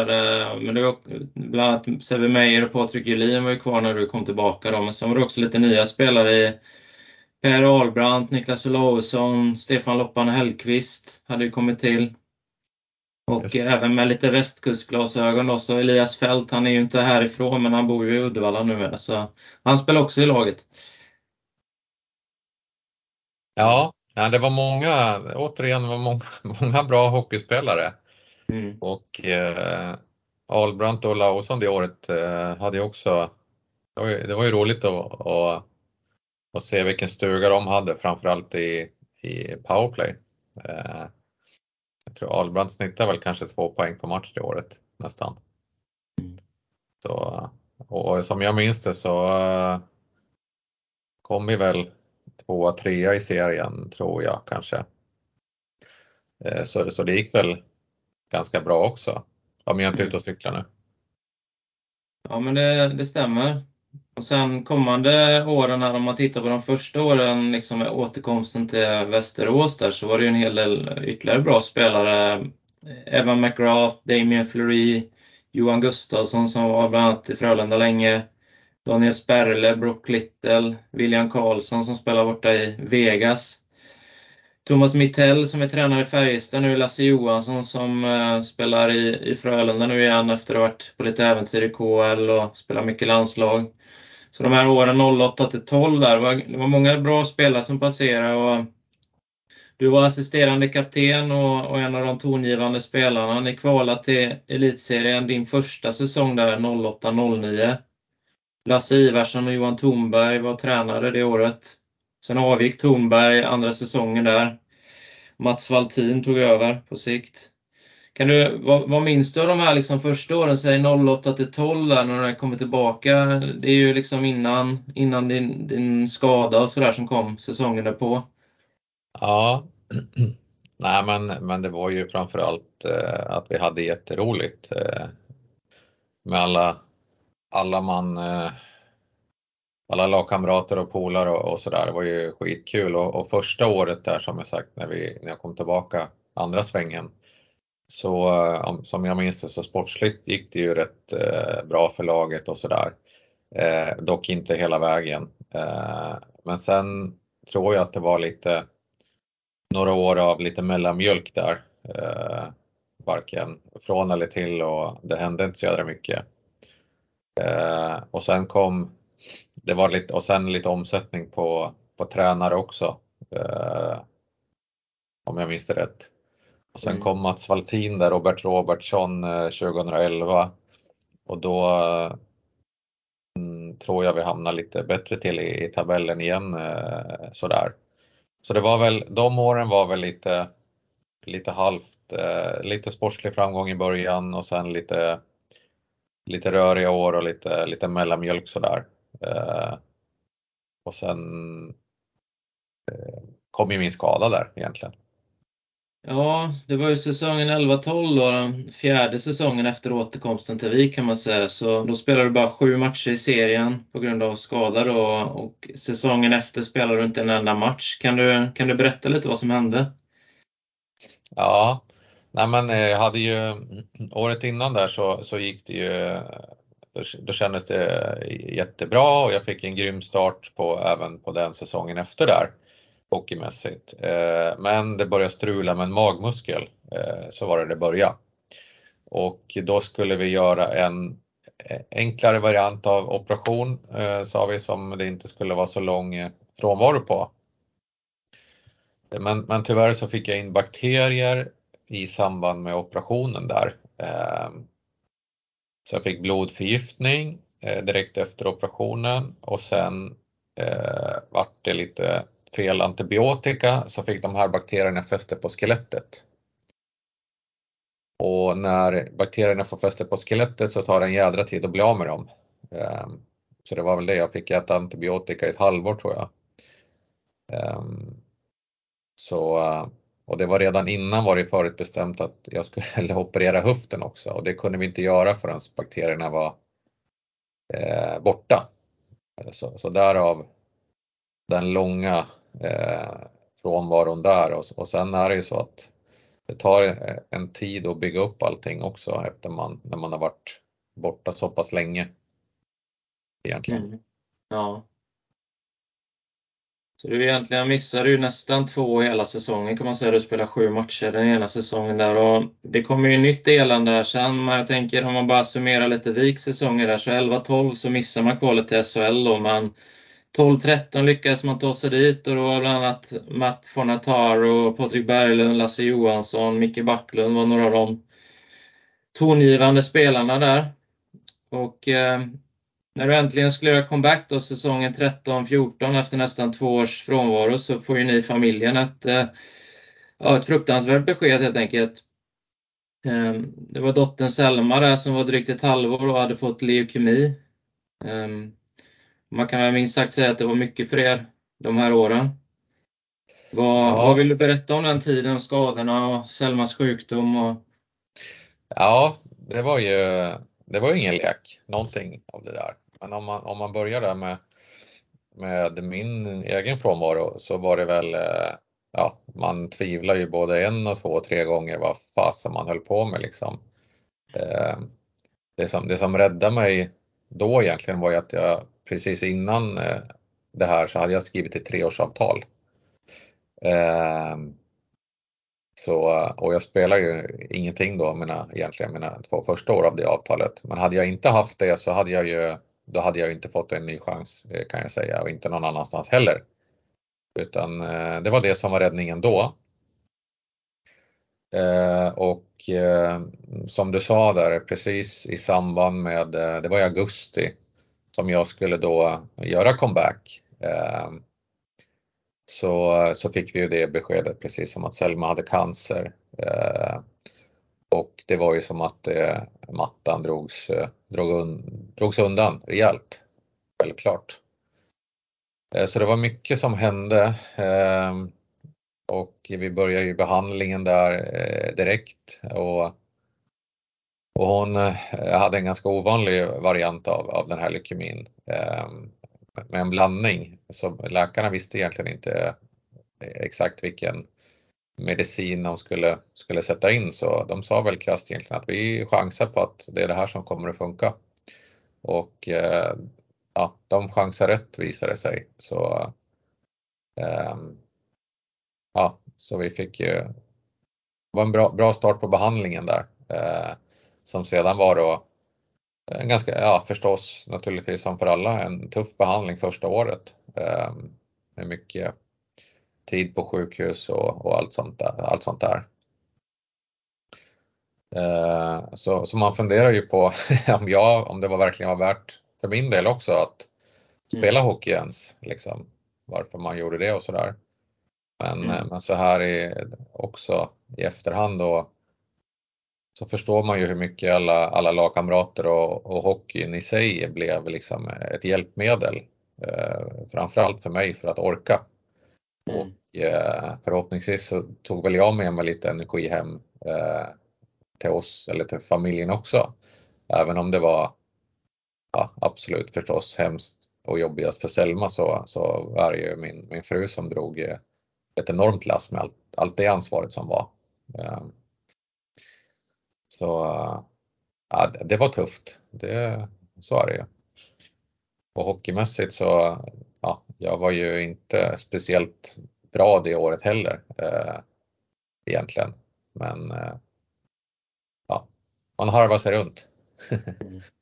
Förståeligt. Du genomförde 45 matcher den säsongen trots allt. Och, men hur var, hur var Vik i allt som hände liksom för, för dig? Ja, men det var som jag sa, liksom att alla, alla lagkamrater och eh, kompisar och, och tränare och de, de stöttar ju jättebra. Eh, och man fick ju energi av att, och, av att träna och vara där några timmar per dag, om man säger, och, och koppla mm. bort koppla bort allt det andra jobbiga som var. Eh, ja, som jag sa, min fru tog ju absolut allt ansvar, egentligen det största ansvaret hela tiden. Men det var ju, ja, man spelade ju match och så vissa gånger så åkte man upp till sjukhuset direkt efter och sov där och, mm. och sådär. Ehm, och vi, sen var det ju Uppsala, man var inlagd där så att man åkte därifrån och eh, hem och, och träna. Och vi fick ju enormt mycket hjälp av, av mamma och av eh, Cecilias mamma som var här jättemycket och bodde hos oss också för att stötta upp i allting. Ja. Ja, eh, såklart eh, väldigt tung period. Eh, om vi ska titta vad som hände i Västerås Hockey under den här tiden då, så som sagt 12-13 gick man till kval till SHL och då hade Joakim Fagervall tagit över som tränare och din comeback-säsong då 13-14 så Tillkom också tidigare juniortränaren Per Hellenberg som assisterande som har lång bakgrund i Vik och på spelarsidan var det lite nytt där med Jerry Williams, eh, Jeremy Williams, Luca Caputi, Tony Romano eh, bland annat. Eh, även det året kvalade Vik mot SHL men inte gick upp då. Du blev dessutom avstängd sista fem matcherna på en tackling. Ja. Nej, det är nog min min enda avstängning och böter i hela min karriär.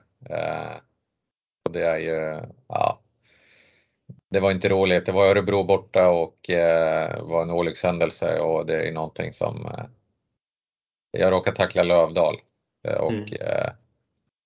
ja, eh, har bett om ursäkt för det, men, men eh, det var inget roligt. Det, så. Men, men det är väl min enda avstängning och, och, och sånt under min karriär.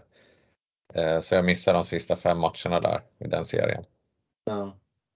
Lika bra att stöka av det också det året kanske, så det blir av med ytterligare en grej. Ja, skitåret slut. Ja, Lödahl är ju Kalles chef nu då i Örebros juniorer dessutom, så det är Kalle bekanting. Precis. Ja. Eh, sen har vi några säsonger till här då i Vik. Vi har eh, 14-15, då hade Martin Filander tagit över som tränare och det var lite nya spelare igen där. Dustin Joner, Eddie Davidsson, Nick Andiel bland annat. Och på femte plats i interna poängligan så hade Freddan själv hittat tillbaka sin gamla poängnivå, 25 pinnar, 52 matcher. Du spelade nästan hela säsongen innan där, men då hade du haft två, ja, eller egentligen tre skitår kan man säga. Kändes det som en, som en riktig comeback-säsong för dig det året, eller? Ja, men det gjorde det. Som jag sa, från egentligen eh, året innan där, eh, där jag gör min absolut, helt klart sämsta säsong eh, av olika anledningar. Eh, så, eh, och egentligen inte visste om jag skulle fortsätta så lyckades jag eh, ja, få, få ett nytt kontrakt egentligen kan man väl säga. Eh, och Selmas tuffa behandlingstid eh, eh, var väl också över där och något år senare. Så, så den, efter det så var det inte alls lika mycket sjukhustid som det hade varit i året. Så ehm, um, ligan det året 14-15, det var ju då som SHL skulle utökas och alla allsvenska, eller många allsvenska klubbar satte sig ju rätt, rätt friskt. Det var, det var mycket bra spelare det året. Um, så, så uh, från året innan uh, till det här året där jag, som jag själv ser egentligen, gör nog min, min bästa säsong i karriären. Uh, det var ju det var jätteroligt. det var som att ja, ja, man bara spelar på glädje liksom och att allting funkar. Mm. Så det, det, är nog min bästa säsong i, i karriären, det ska jag säga. Det gick ju bra för laget också där. Ni, ni vann serien och tog er hela vägen till en avgörande matchserie mot Karlskrona då med en plats i SHL som ni torskade 1-3 matcher. Var det, var det det närmaste ni har varit att gå upp med Vik i SHL under din tid eller? Ja, det var det. Det var det. Mm. Eh, mm. som sagt, vi vann serien eh, det året. Vi hade ett jättebra lag. Eh, och skulle möta Karlskrona då i, i bäst av sju eller någonting sånt. Eh, och, och, som vi tycker då kanske enögda men eh, vi, vi, spelar rätt bra även, även då men vi, ja, vi lyckades inte göra mål på målisen. Eh, så att de vinner eh, där. Så det var väl våran, eh, eller min största chans egentligen under Västeråstiden att, att ta oss till SHL. Mm. Säsongen därpå så då är vi på 15-16. Då blir du utsedd till lagkapten för, för Vik. Hur, eh, hur var det? Mm, ja, men det var också jätteroligt. Eh, jag hade ju varit eh, assisterande kapten i, ja, inte alla, men de flesta Västeråsår där tidigare kanske, men det blir ju något helt annorlunda. Och förstås också lite nytt. Och och det tar ett litet tag att växa in i, i, det, i den rollen också eh, och vänja sig och med allt vad det innebär. Så, eh, men efter, efter det första året där så kändes det, eller efter första tiden så kändes det bra och bekvämt och fick, fick mycket hjälp och sådär också. Så det var roligt. Mm. Säsongen var ingen succé för laget så ni missade playoff och eh, Andreas Appelgren tog över som tränare mitt i säsongen där och några av de spelarna som var tongivande poängmässigt då, det var Williams var fortfarande kvar och så var det Jan Urbas och Myttinen och Stefan Gråns och Freddan himself var ju också med där, topp 5. Ehm, säsongen därpå, 16-17, och bytte tränare Appelgren bänken mot läktaren där och blev sportchef istället och så tog han in gamla Leksandsbacken Christer Olsson som tränare. Och eh, jag har saxat ett par citat från Hockeyallsvenskans pressträff inför den säsongen där du beskriver lite situationen då. Då var du kallad dit och då säger du att eh, de senaste åren har vi haft ett mål att gå till SHL, så är det inte i år från klubbens sida, säger Västerås lagkapten Fredrik Johansson. Och sen så var det dessutom, jag vet inte varför de skickade hit mig, jag har svårt att prata. Då hade kommit, kommit hit med färska stygn i läppen tydligen. Eh, men det var lite ekonomisk kris för Västerås det året som jag förstår det. Ja, precis. Jag bara läppen där, jag, vi spelade träningsmatch dagen innan den här minns jag och jag fick en puck i munnen så hela min läpp blir ju klyvd på mitten. Så var det. Ja. eh, därav det. Eh, nej men det var ju året innan där då som sagt, då, då var det ju ekonomisk kris från, kom ju som en blixt från klar himmel för oss eh, spelare där i alla fall. Eh, så vi, klubben genomgick ju en eh, rekonstruktion eh, för att egentligen överleva, vilket eh, lyckades där framåt vårkanten någonstans. Eh, så det blev ju helt andra förutsättningar från föregående år, eh, eller från tidigare år det var ju som att, att börja om ganska lång, långt ner eh, på stegen igen. Eh, och andra, andra förutsättningar och hela den biten. Så, så då var det ju lite skillnad i, det var väl kanske egentligen första året som eh, ja, klubben inte hade som mål att på något sätt då ta sig, ta sig uppåt, tror jag. Mm. Och det märktes ju också lite i, i resultatet för, för laget. Det gick bra för dig, du, du vann interna poängligan men längst ner i tabellen så hittade Vik som blev nerskickade till division 1 då för första gången sedan man började om där. Det var ju innan din tid, runt millennieskiftet som du var inne på. Då fick man ju starta om i seriesystemet också på grund av ekonomiska problem. Ehm, jag har ett annat citat där då från Vik Fancentral 23 maj 2017 där det också är en intervju som beskriver lite situationen. Ehm, och då är det en, en kille som skriver där som skrev att jag, jag talar med Fredrik Johansson. Ehm, kaptenen ringde faktiskt upp undertecknade efter några sms. Bättre att snacka, sa han. Tillmötesgående och klass rakt igenom. Det blir nästan en depression efter säsongen, säger Fredda och tar faktiskt till kraftord och svär flera gånger. Eh, det var pinsamt, menar kaptenen. Ändå starkt att vi kom tillbaka efter jul för att dock sen falla ihop igen. Vi var helt enkelt för dåliga överlag, menar kaptenen, vars egen produktion dock åter lossnade då han gick som ytter sista 20 matcherna och Fredda var lagets bästa spelare efter jul. Eh, men det var konstigt att vi föll igenom i kvalet. Detta trots en ganska bra start poängmässigt där, även om de första tre matcherna. Just hemma mot Visby, där skulle vi ha vunnit, säger Fredda och suckar tungt. Då hade vi tre vinster av fyra och där kunde det rulla på. Inte lätt för tränare Panarna att komma in där med så kort varsel. Det var juniortränaren som blev promotad då. Hur ser du på framtiden och Vik? Just nu nu krävs väldigt annorlunda lösningar. Man måste hitta ett jobb som går att kombinera med hockeyn, plus man måste ha en inkomst så att det går runt. Eh, dock är jag absolut inte efter en massa pengar, men, men det måste gå runt. Så man kan ju säga att förutsättningarna är ganska annorlunda där. Hur, vad, vad minns du av den här tiden liksom, eh, från att man åkte ur och, och sommaren där? Ja, det var, ju, det var ju som jag sa en hemsk säsong egentligen. Eh, och eh, vi var ju, vi låg väl, ja, tror jag kanske, absolut sist eh, vid jul där och sen ryckte vi faktiskt upp oss från andra halvan av serien där vi gjorde det ändå helt okej okay, som jag sa. Men eh, totalt sett klappkass och, och kvalserien var ju också dålig. Eh, så, så, absolut, det var ju det absolut tyngsta, eh, helt klart, eh, mentalt. Det där. Så det tog, tog jättelång tid att återhämta sig efter det. Eh,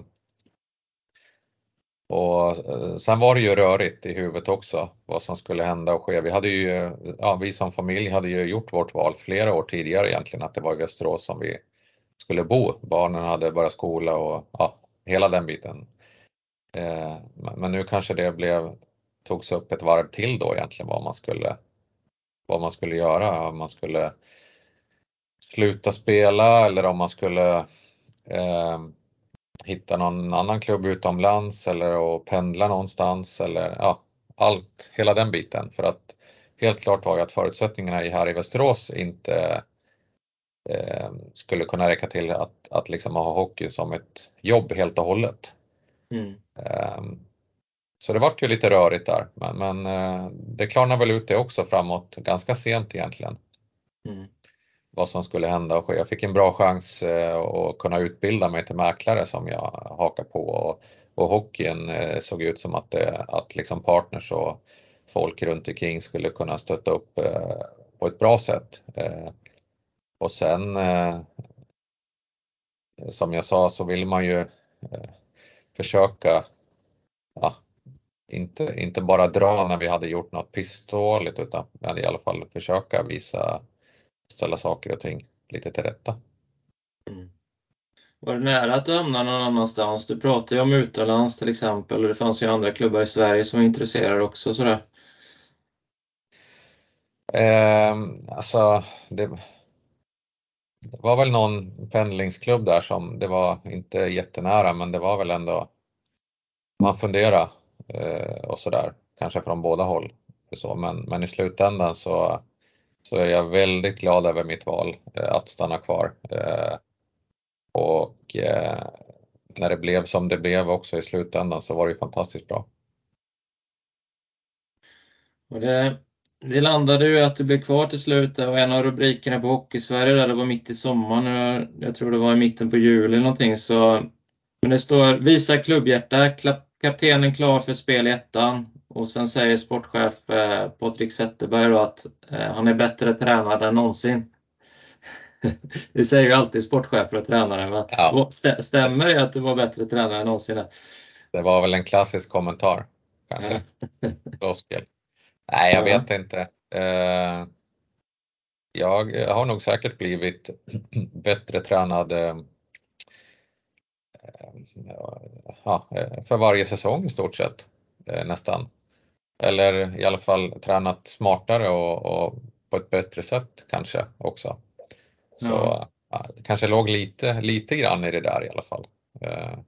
Sen, sen är det ju så att hockeyn har ju förändrat sig mycket också från när jag kom upp som i början på 2000 där kanske fram tills nu, det är ju, det är ju helt, helt annorlunda. Eh, spel mycket snabbare och, och, sånt så träningen har ju ändrats eh, Eh, efter det också lite grann. Mm. Sen den säsongen i ettan då, då fortsatte ju då tidigare juniortränaren Thomas Pananen som kom in med kort varsel i slutet av säsongen och som eh, fortfarande tränar för Vik än idag. Eh, en av rubrikerna som var lite talande tror jag för den säsongen, den, det var eh, serieledande Västerås ånga på. Fredrik Johansson och Marcus Dahlbom grundlade ser eh, vinsten i prestigematchen. Och eh, Marcus Dahlbom då, han spikade igen målet den säsongen kan man säga. Och du återfanns som tvåa i interna poängligan och så var det Johan Sköld som också slängde in en hel del poäng. Eh, en annan rubrik eh, 22 mars 2018. Det är slutet av Hockeyettan-säsongen. Där kan man läsa i Sportbladet då. Eh, den som kanske bäst symboliserar hjärtat för Vik är trotjänaren Fredrik Johansson, 34. Den pudelkloka centern kunde lätt ha tagit ett anbud från en hockeyallsvensk klubb men valde att stanna i Vik en tionde raka säsong till en lägre lön som tvingar honom att arbeta deltid på ett fastighetsmäkleri för att få det att gå ihop. Om inte det är klubbkärlek så vet jag inte vad som är det. Eh, vad jag vet är att det finns alldeles för få Fredrik Johansson i svensk hockey. Eh, han är värd ett avancemang, står det. Det var fina ord. Ja, det var det. Ja. ja, det var roligt att eh, höra så. Um, ja, jag vet inte vad jag ska säga om det. Men... Ja, det, det, var, jag, har inte skrivit upp ännu vad som skrev det, men det var i alla fall, eh, det var i alla fall objektivt sett, det var, det var någon från, från Sportbladet som har skrivit det här i alla fall. Så det är inget jag hittar på själv. Eh, Vik studsade i alla fall upp direkt till eh, Hockeyallsvenskan. Det var en säsong i ettan. Och om man jämför med året innan här, hur är, hur är status och, och läget i föreningen och i stan då?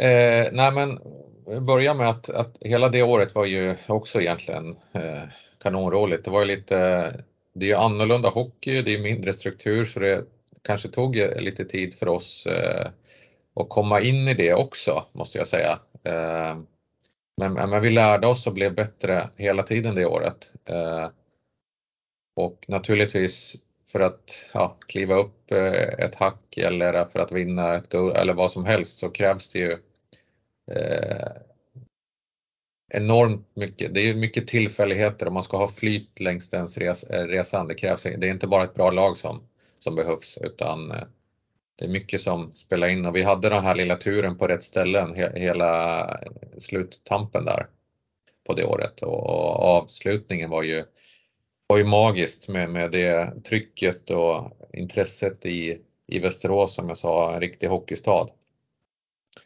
Så eh, skillnaden från, från året innan när man var ja, det var jättejobbigt och man var nere och hela tiden lång tid fram på våren, sommar så var det ju totalt tvärtom det året.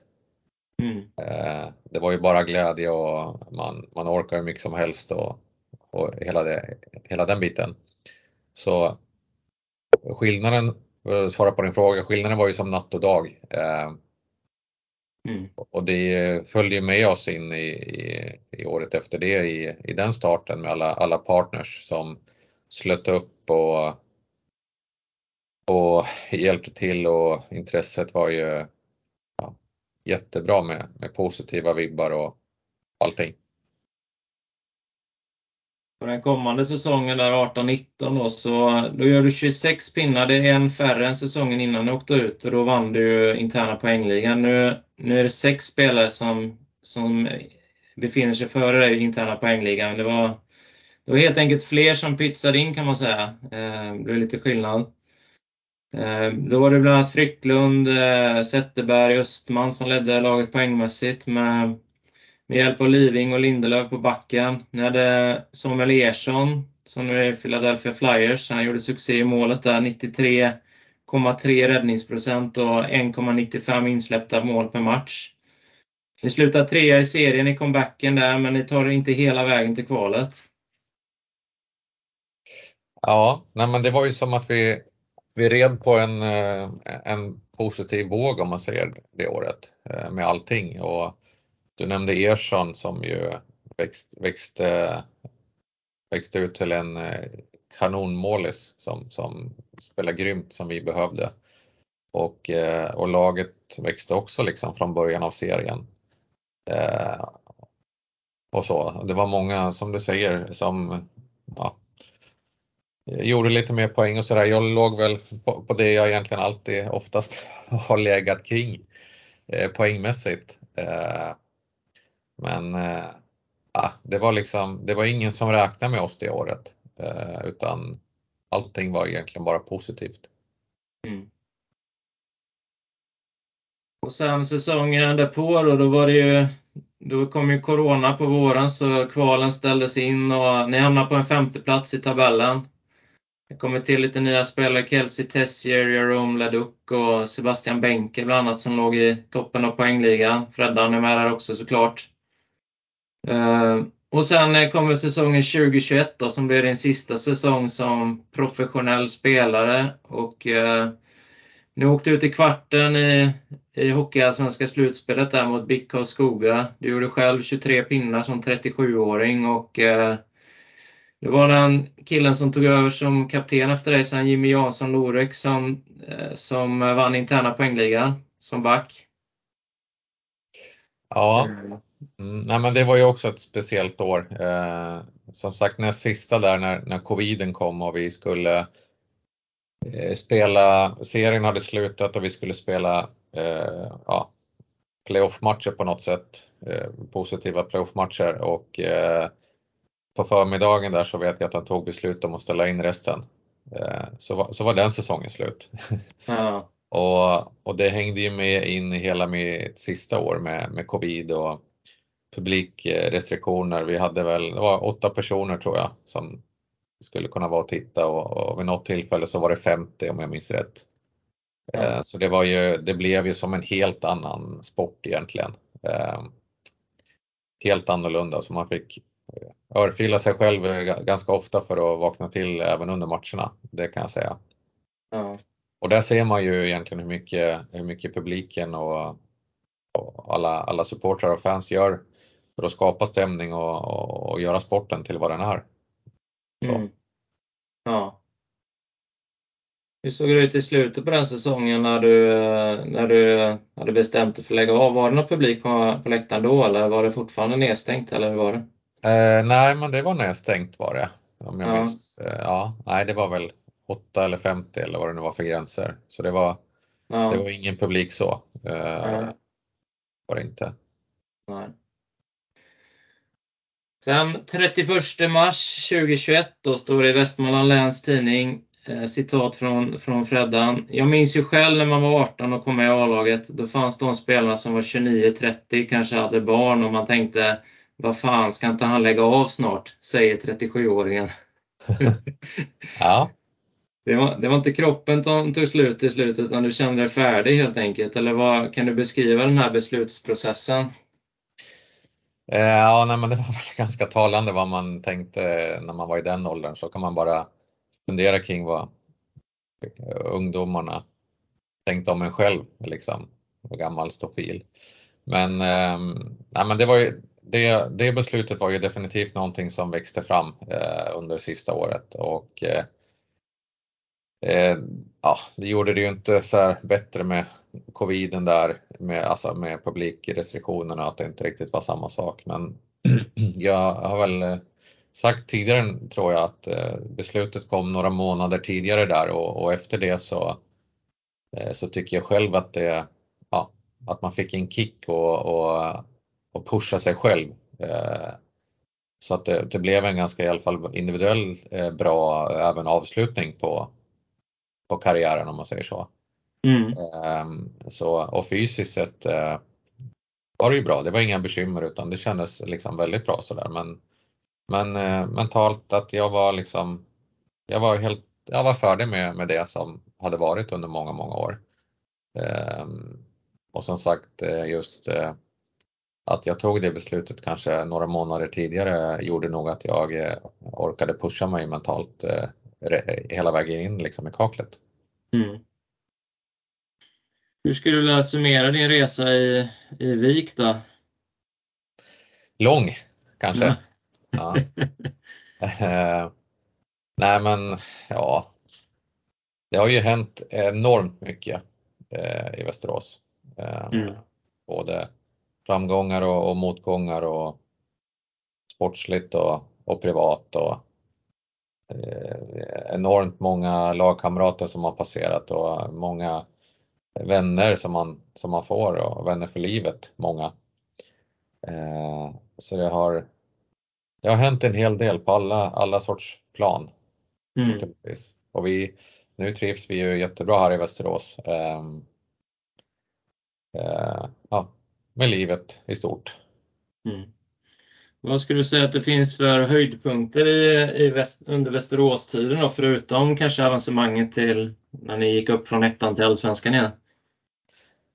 Eh, nej men höjdpunkter, det är väl liksom som jag varit inne på tidigare att, att Västerås är en, en hockeystad och det är ju många som bryr sig jättemycket och visar engagemang och, och, och sådär och det är ju, när det går bra så är det fantastiskt roligt att att, vara hockeyspelare i Västerås. Och, eh, ja, man känner liksom det stödet i ryggen. Det är väl det, är väl det roligaste måste jag säga. Mm. Jag tänkte vi skulle fördjupa oss lite i olika delar där som en, som en avrundning innan vi, innan vi släcker ner. Men eh, jag tänkte bara nämna lite stats då. Du har alltså gjort flest poäng i Västerås genom tiderna med 364 poäng på 676 matcher. Du har gjort 15 säsonger i klubben varav 6 som kapten.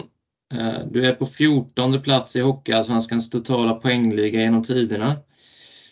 Eh, och det var, det var rätt lustigt faktiskt. Man, man tänker ju att du kanske är en framspelare framför allt, men eh, du ligger på 17 plats i assistligan och 14 i poängligan, så du ligger lite högre i målligan. Då.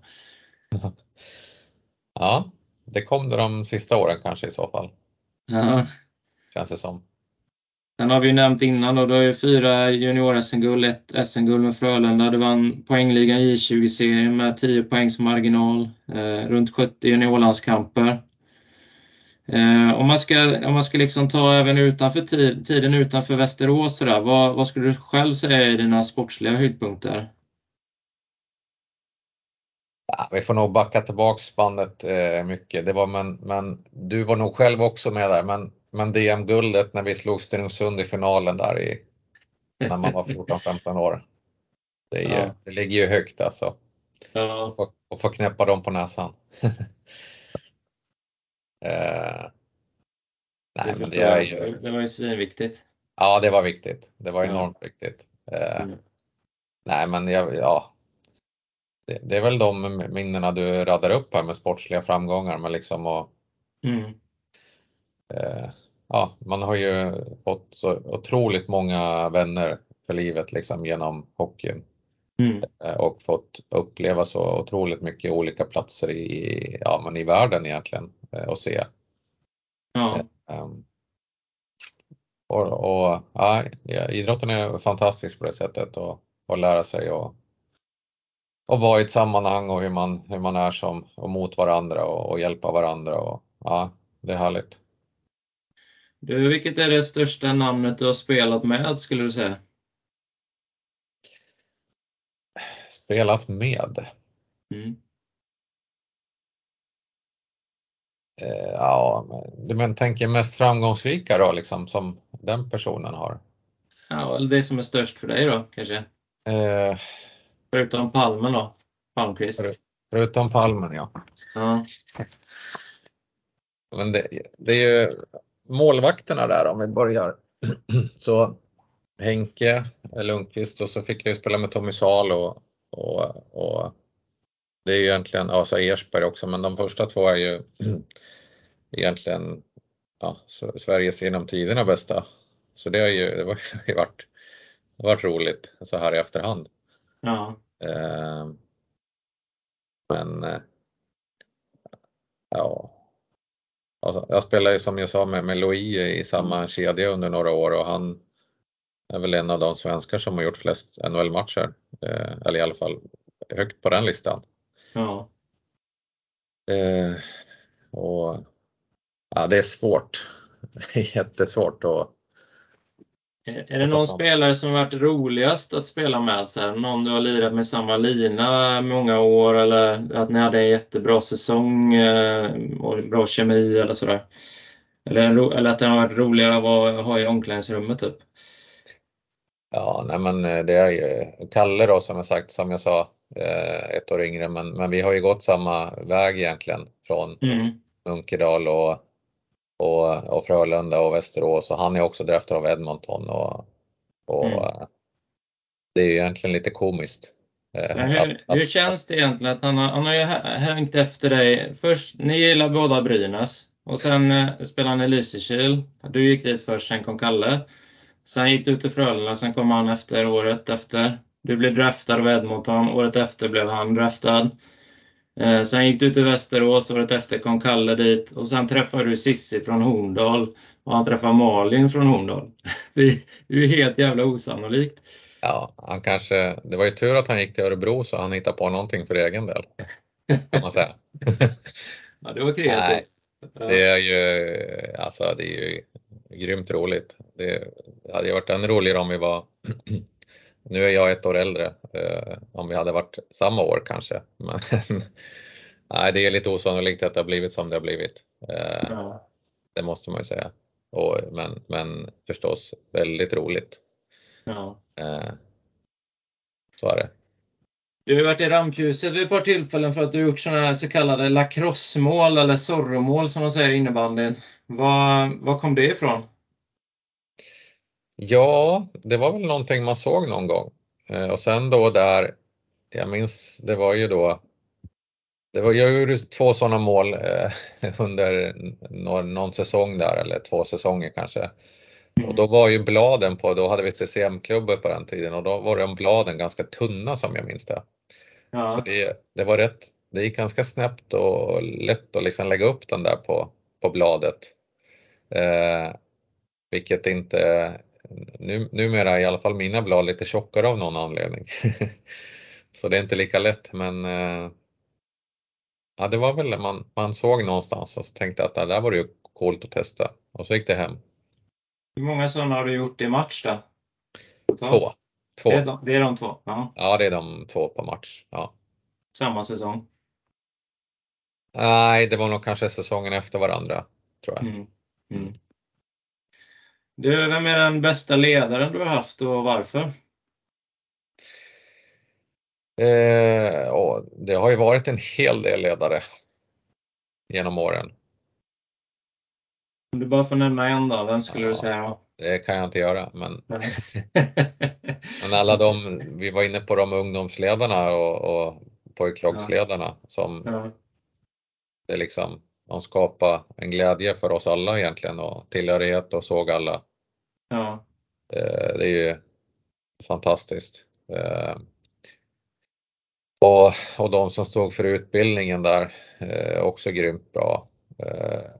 Många, många ändå namnkunniga ledare i, i Västerås genom alla år också. Och, men det har ju Filander och, och Thomas där som, som är liksom för mig lite grann nya tidens ledare där man har en, Mm. har en jättebra balans mellan att och stämma i bäcken och, och peka med hela handen lik, likväl som att eh, involvera gruppen och, och att alla får komma till tals eh, Mm. och se alla på någon, på någon vänster. Så jag tror att den typen av ledare är liksom det som kommer att vara här. Eh, ja, ett tag framöver tills nästa fas kommer. Mm. Du har ju själv varit kapten i flera år och så. Vad, vad har varit viktigt för dig eh, i den rollen? All, jag minns att alldeles i början där när jag blev kapten så, så var jag, ja, försökte jag söka och prata lite med folk. Och, men då frågade jag en annan framgångsrik eh, kapten och spelare, Niklas Lidström, ja, efter lite tips och råd. Eh, och det, det han sa till mig då var att var dig själv. Bara. Så löser det sig. Och det är väl någonting som jag försökt vara liksom. Det är svårt att änd- ändra på sig i stora sammanhanget liksom och, och ändra på sig som person. Mm. Utan då blir det svårt. Utan ja, försökt vara mig själv liksom och, och vara som jag är på mitt sätt. Ja. Du, du har haft, eh, vi pratade ju om Kalle här då, som har, som har svansat efter dig i många år. Men du har ju också haft andra lagkamrater eh, som liksom har följt dig på resan lite grann. Bland Per Helmersson och Jonas Lettman som var i Frölunda och Västerås till exempel. Och, men har, du någon, har du någon gammal lagkompis där som du känner har varit viktig för dig som du skulle vilja nämna? Ja, det är ju jättemånga. Eh, men det är ju det är ju de som man har gjort många, många år med egentligen. Eh, Och det är ju få förunnat att göra många år med, med vissa. Men förstås Kalle och Mm. Sebbe Meyer och Lettma och Helmersson och, och Marcus Söderqvist här i Ja. Västerås. Och, eh, och det blir ju liksom när man får möjlighet att göra många år med, med någon, det blir ju det blir så himla mycket roligare. Eh, numera byts det ut eh, spelare ganska frekvent mellan några säsonger. Efter, kanske efter två, tre, fyra år så är det inte många spelare kvar i den klubben längre utan det är ett fåtal. Så Mm. alla de man har, har man gjort med ett, ett antal fler säsonger är ju, ja, de blir ju det blir mycket roligare. Ja. Är det någon, eh, någon hockeypolare som du har mycket kontakt med idag nu när du inte är i ishallen och sådär eller? Eh, nej, inte, inte på det sättet att man har mycket kontakt. Det är flera stycken man har lite kontakt med hockeymäss, alltså från hockeytiden.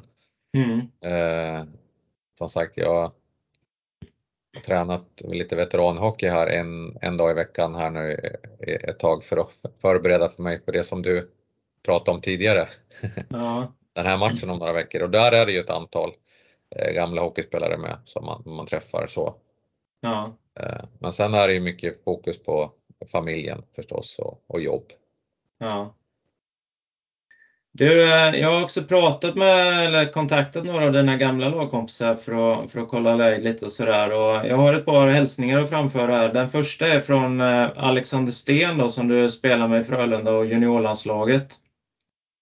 Och som sen gick vidare till en lång karriär i NHL och han har en Stanley Cup där med St. Louis Blues.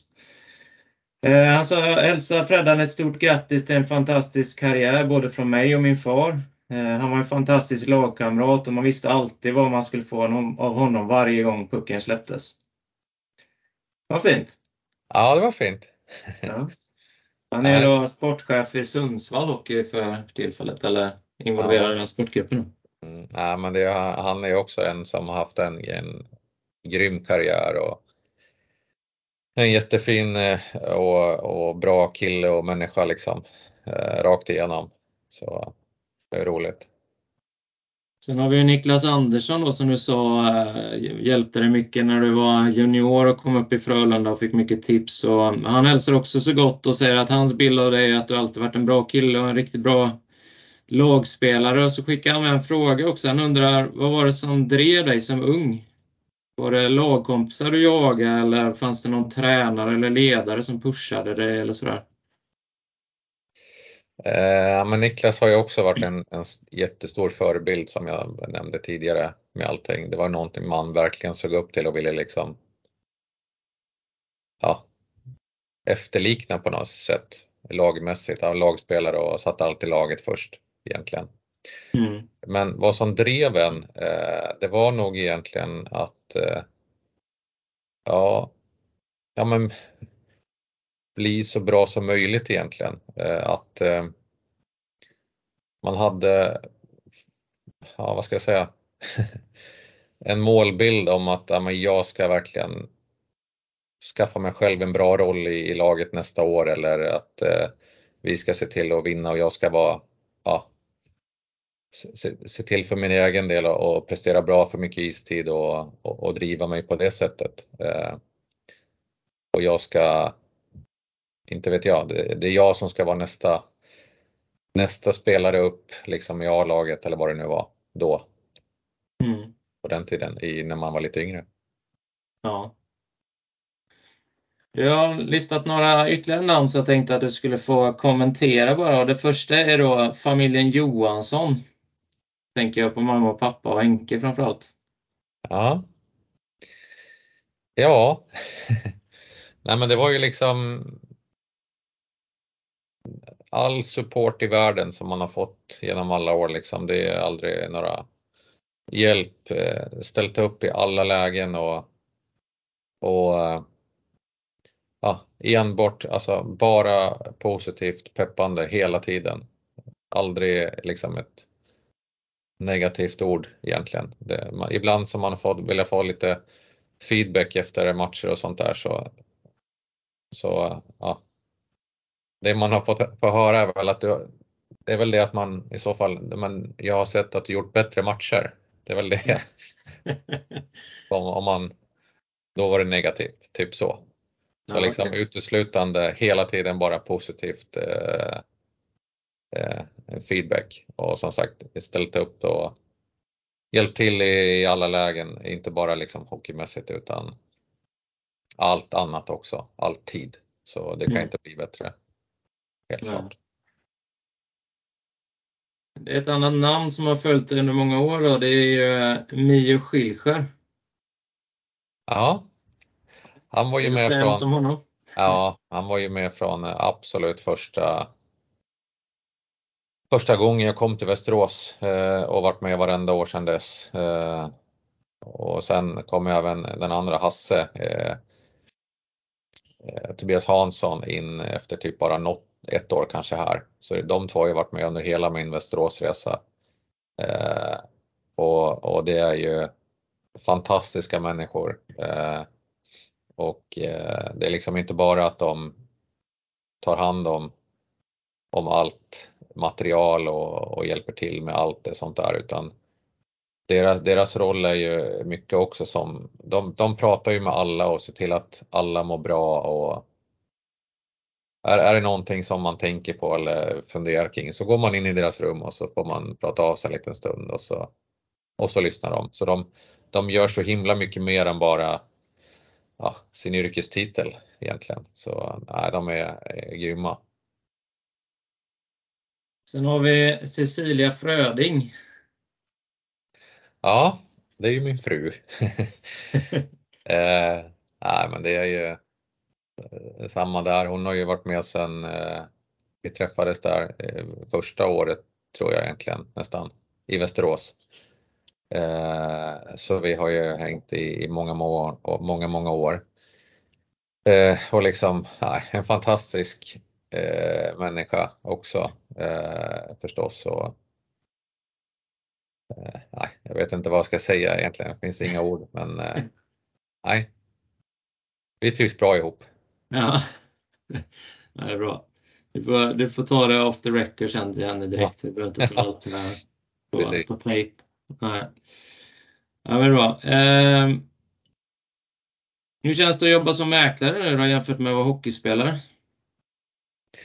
Eh, ja, men det är jätteroligt. Eh, man träffar ju, träffar ju mycket folk eh, så och många olika personligheter om man säger och, och, det har man ju gjort egentligen i hockeyn också. Du har haft 20-25 olika lagkamrater eh, varje år och alla är olika. Eh, så det är väl någonting man har liksom försökt ta med sig in i, in i det här nya yrket och, och kunna möta alla. Ehm, så det är roligt. Det är, om, om man liksom i hockeyn så var man påpassad och, och eh, ville visa eh, alla att man, att man kan. Nu är det att man har en uppdragsgivare egentligen, eller en, en person eller en, en familj. Mm. Eh, du, vad, är det, vad har varit det bästa med att leva på hockeyn då, tycker du? Ja, men det är ju att, att få att få göra det man har velat eh, egentligen, att leva på sin hobby. Ja, att jobba med sin hobby och göra det man tycker om varje dag. Mm. Eh, det är det bästa. Men det är klart att under, eh, under en säsong eller under de här åren så är det klart att det har varit mindre roliga dagar också naturligtvis och så är det ju. Mm. Men, men, på det stora hela att få göra det man har tyckt varit allra roligast det är ju, och så pass länge är ju skitroligt. Mm. Du, om du skulle skicka med något tips då till en, en ungdomsspelare idag som vill maximera sig själv. Vad, vad, vad önskar du att du själv eh, visste när du var ung som du vet idag? Liksom? Eh, nej men eh, för att skicka med någonting är ju att, att man ska ha roligt. Eh, att man gör, ska göra det för egen del, inte för någon annans skull eller, eller någonting sånt, utan för att man verkligen vill själv. Eh, ja, och förstås eh, hålla på med, med många idrotter. Eh, om man nu tycker det är roligt, vill säga. Så att man inte bara, bara spelar hockey eller bara spelar fotboll eller vad det kan vara. Eh, mm. Utan var bred, då lär man sig nog mycket tror jag eh, och ha kul absolut. Är det något som vi inte har pratat om som du skulle vilja ta upp när vi ändå sitter här? Ja, jag tycker du din agenda har varit ganska bred och bra och lång. eh, men eh, jag fick kapa lite med, det känns som att vi hade kunnat eh, göra det dubbelt så långt. Men eh, man får skrapa lite. Det, det, du börjar bli så gammal ju, så att du har varit med oss så mycket. Ja. Tänk vad gammal du är då. Ja. ja. ja. men det ska ju bli också, kan vi nämna att det ska bli, det ska bli faktiskt väldigt roligt att spela den här matchen då i, med Munkedal med, med mm. Jocke och Kalle. Ja. Eh, så. så här på förhand i alla fall. Eh, sen eh, kommer man säkert bli lite frustrerad där och då när det inte stämmer som man vill. Men, men det ska bli skitkul att göra det. Mm. Du, jag har något som jag tänkte säga som, som avslutning bara, det blir det sista. Men, eh, eh, ja, men tack vill jag säga till att börja med. Eh, och det är ju dels för att du ställer upp på intervjun såklart, men också eh, jag tycker du har varit en bra förebild för mig och för många andra i Munkedal här under uppväxten och säkert många därefter också. Och eh, i min bok så, så drog du en generation hockeyspelare och ja, idrottare egentligen i vår lilla by efter dig. Eh, du visade vad som krävdes och vad som var möjligt också med din ödmjukhet och målmedvetenhet. Och, eh, innan dig så hade vi ju några duktiga hockeyspelare där också. Det var någon som gjorde ungdomslandskamper och det var någon som gjorde någon elitseriematch och sådär. Eh, men eh, efter dig så hade vi ytterligare tre som gjorde både elitseriematcher och eh, juniorlandskamper bara de kommande fem åren och också en uppsjö med andra duktiga hockeyspelare och idrottare där kring då. Eh, och det var ju så för mig och för många med, med mig så vi hockade ju på det och försökte göra så som du gjorde liksom. Så att eh, du satte en standard på något sätt som vi försökte haka på och eh, man kan ha duktiga ledare och bra förutsättningar men, eh, men också en förebild är ett oerhört starkt vapen. Man, det är någon som inte säger vad man ska göra utan någon som man försöker att efterlikna på olika sätt av egen fri vilja. Och det krävs också mycket för att gå före och bana väg så det jag försöker säga helt enkelt är att du hade stor betydelse för, för mig och säkert för många andra eh, den tiden och eh, alla blev inte elitidrottare men förvånansvärt många blev duktiga från en sån här liten ort på, på kort tid. Och vi fick ju alla erfarenheter och upplevelser för livet genom, genom idrotten och genom att försöka. Så ja, avslutningsvis ska jag säga tack och, och eh, stort grattis till den här välförtjänta kommande hyllningen för dina insatser då i, i Västerås och för din lojalitet till Västerås IK. Ja, tack så hemskt mycket Ricky för de fina orden.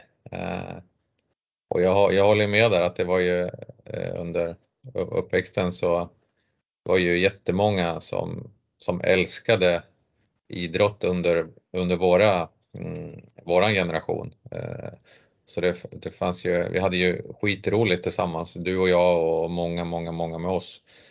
Eh, både på ishallen och fotbollsplan och i gympahallar och allt vad det kan vara. Eh, så det har ju varit, ja, det var ju en grym uppväxt som, som vi hade och för oss som, som gillar idrott och, och hockey.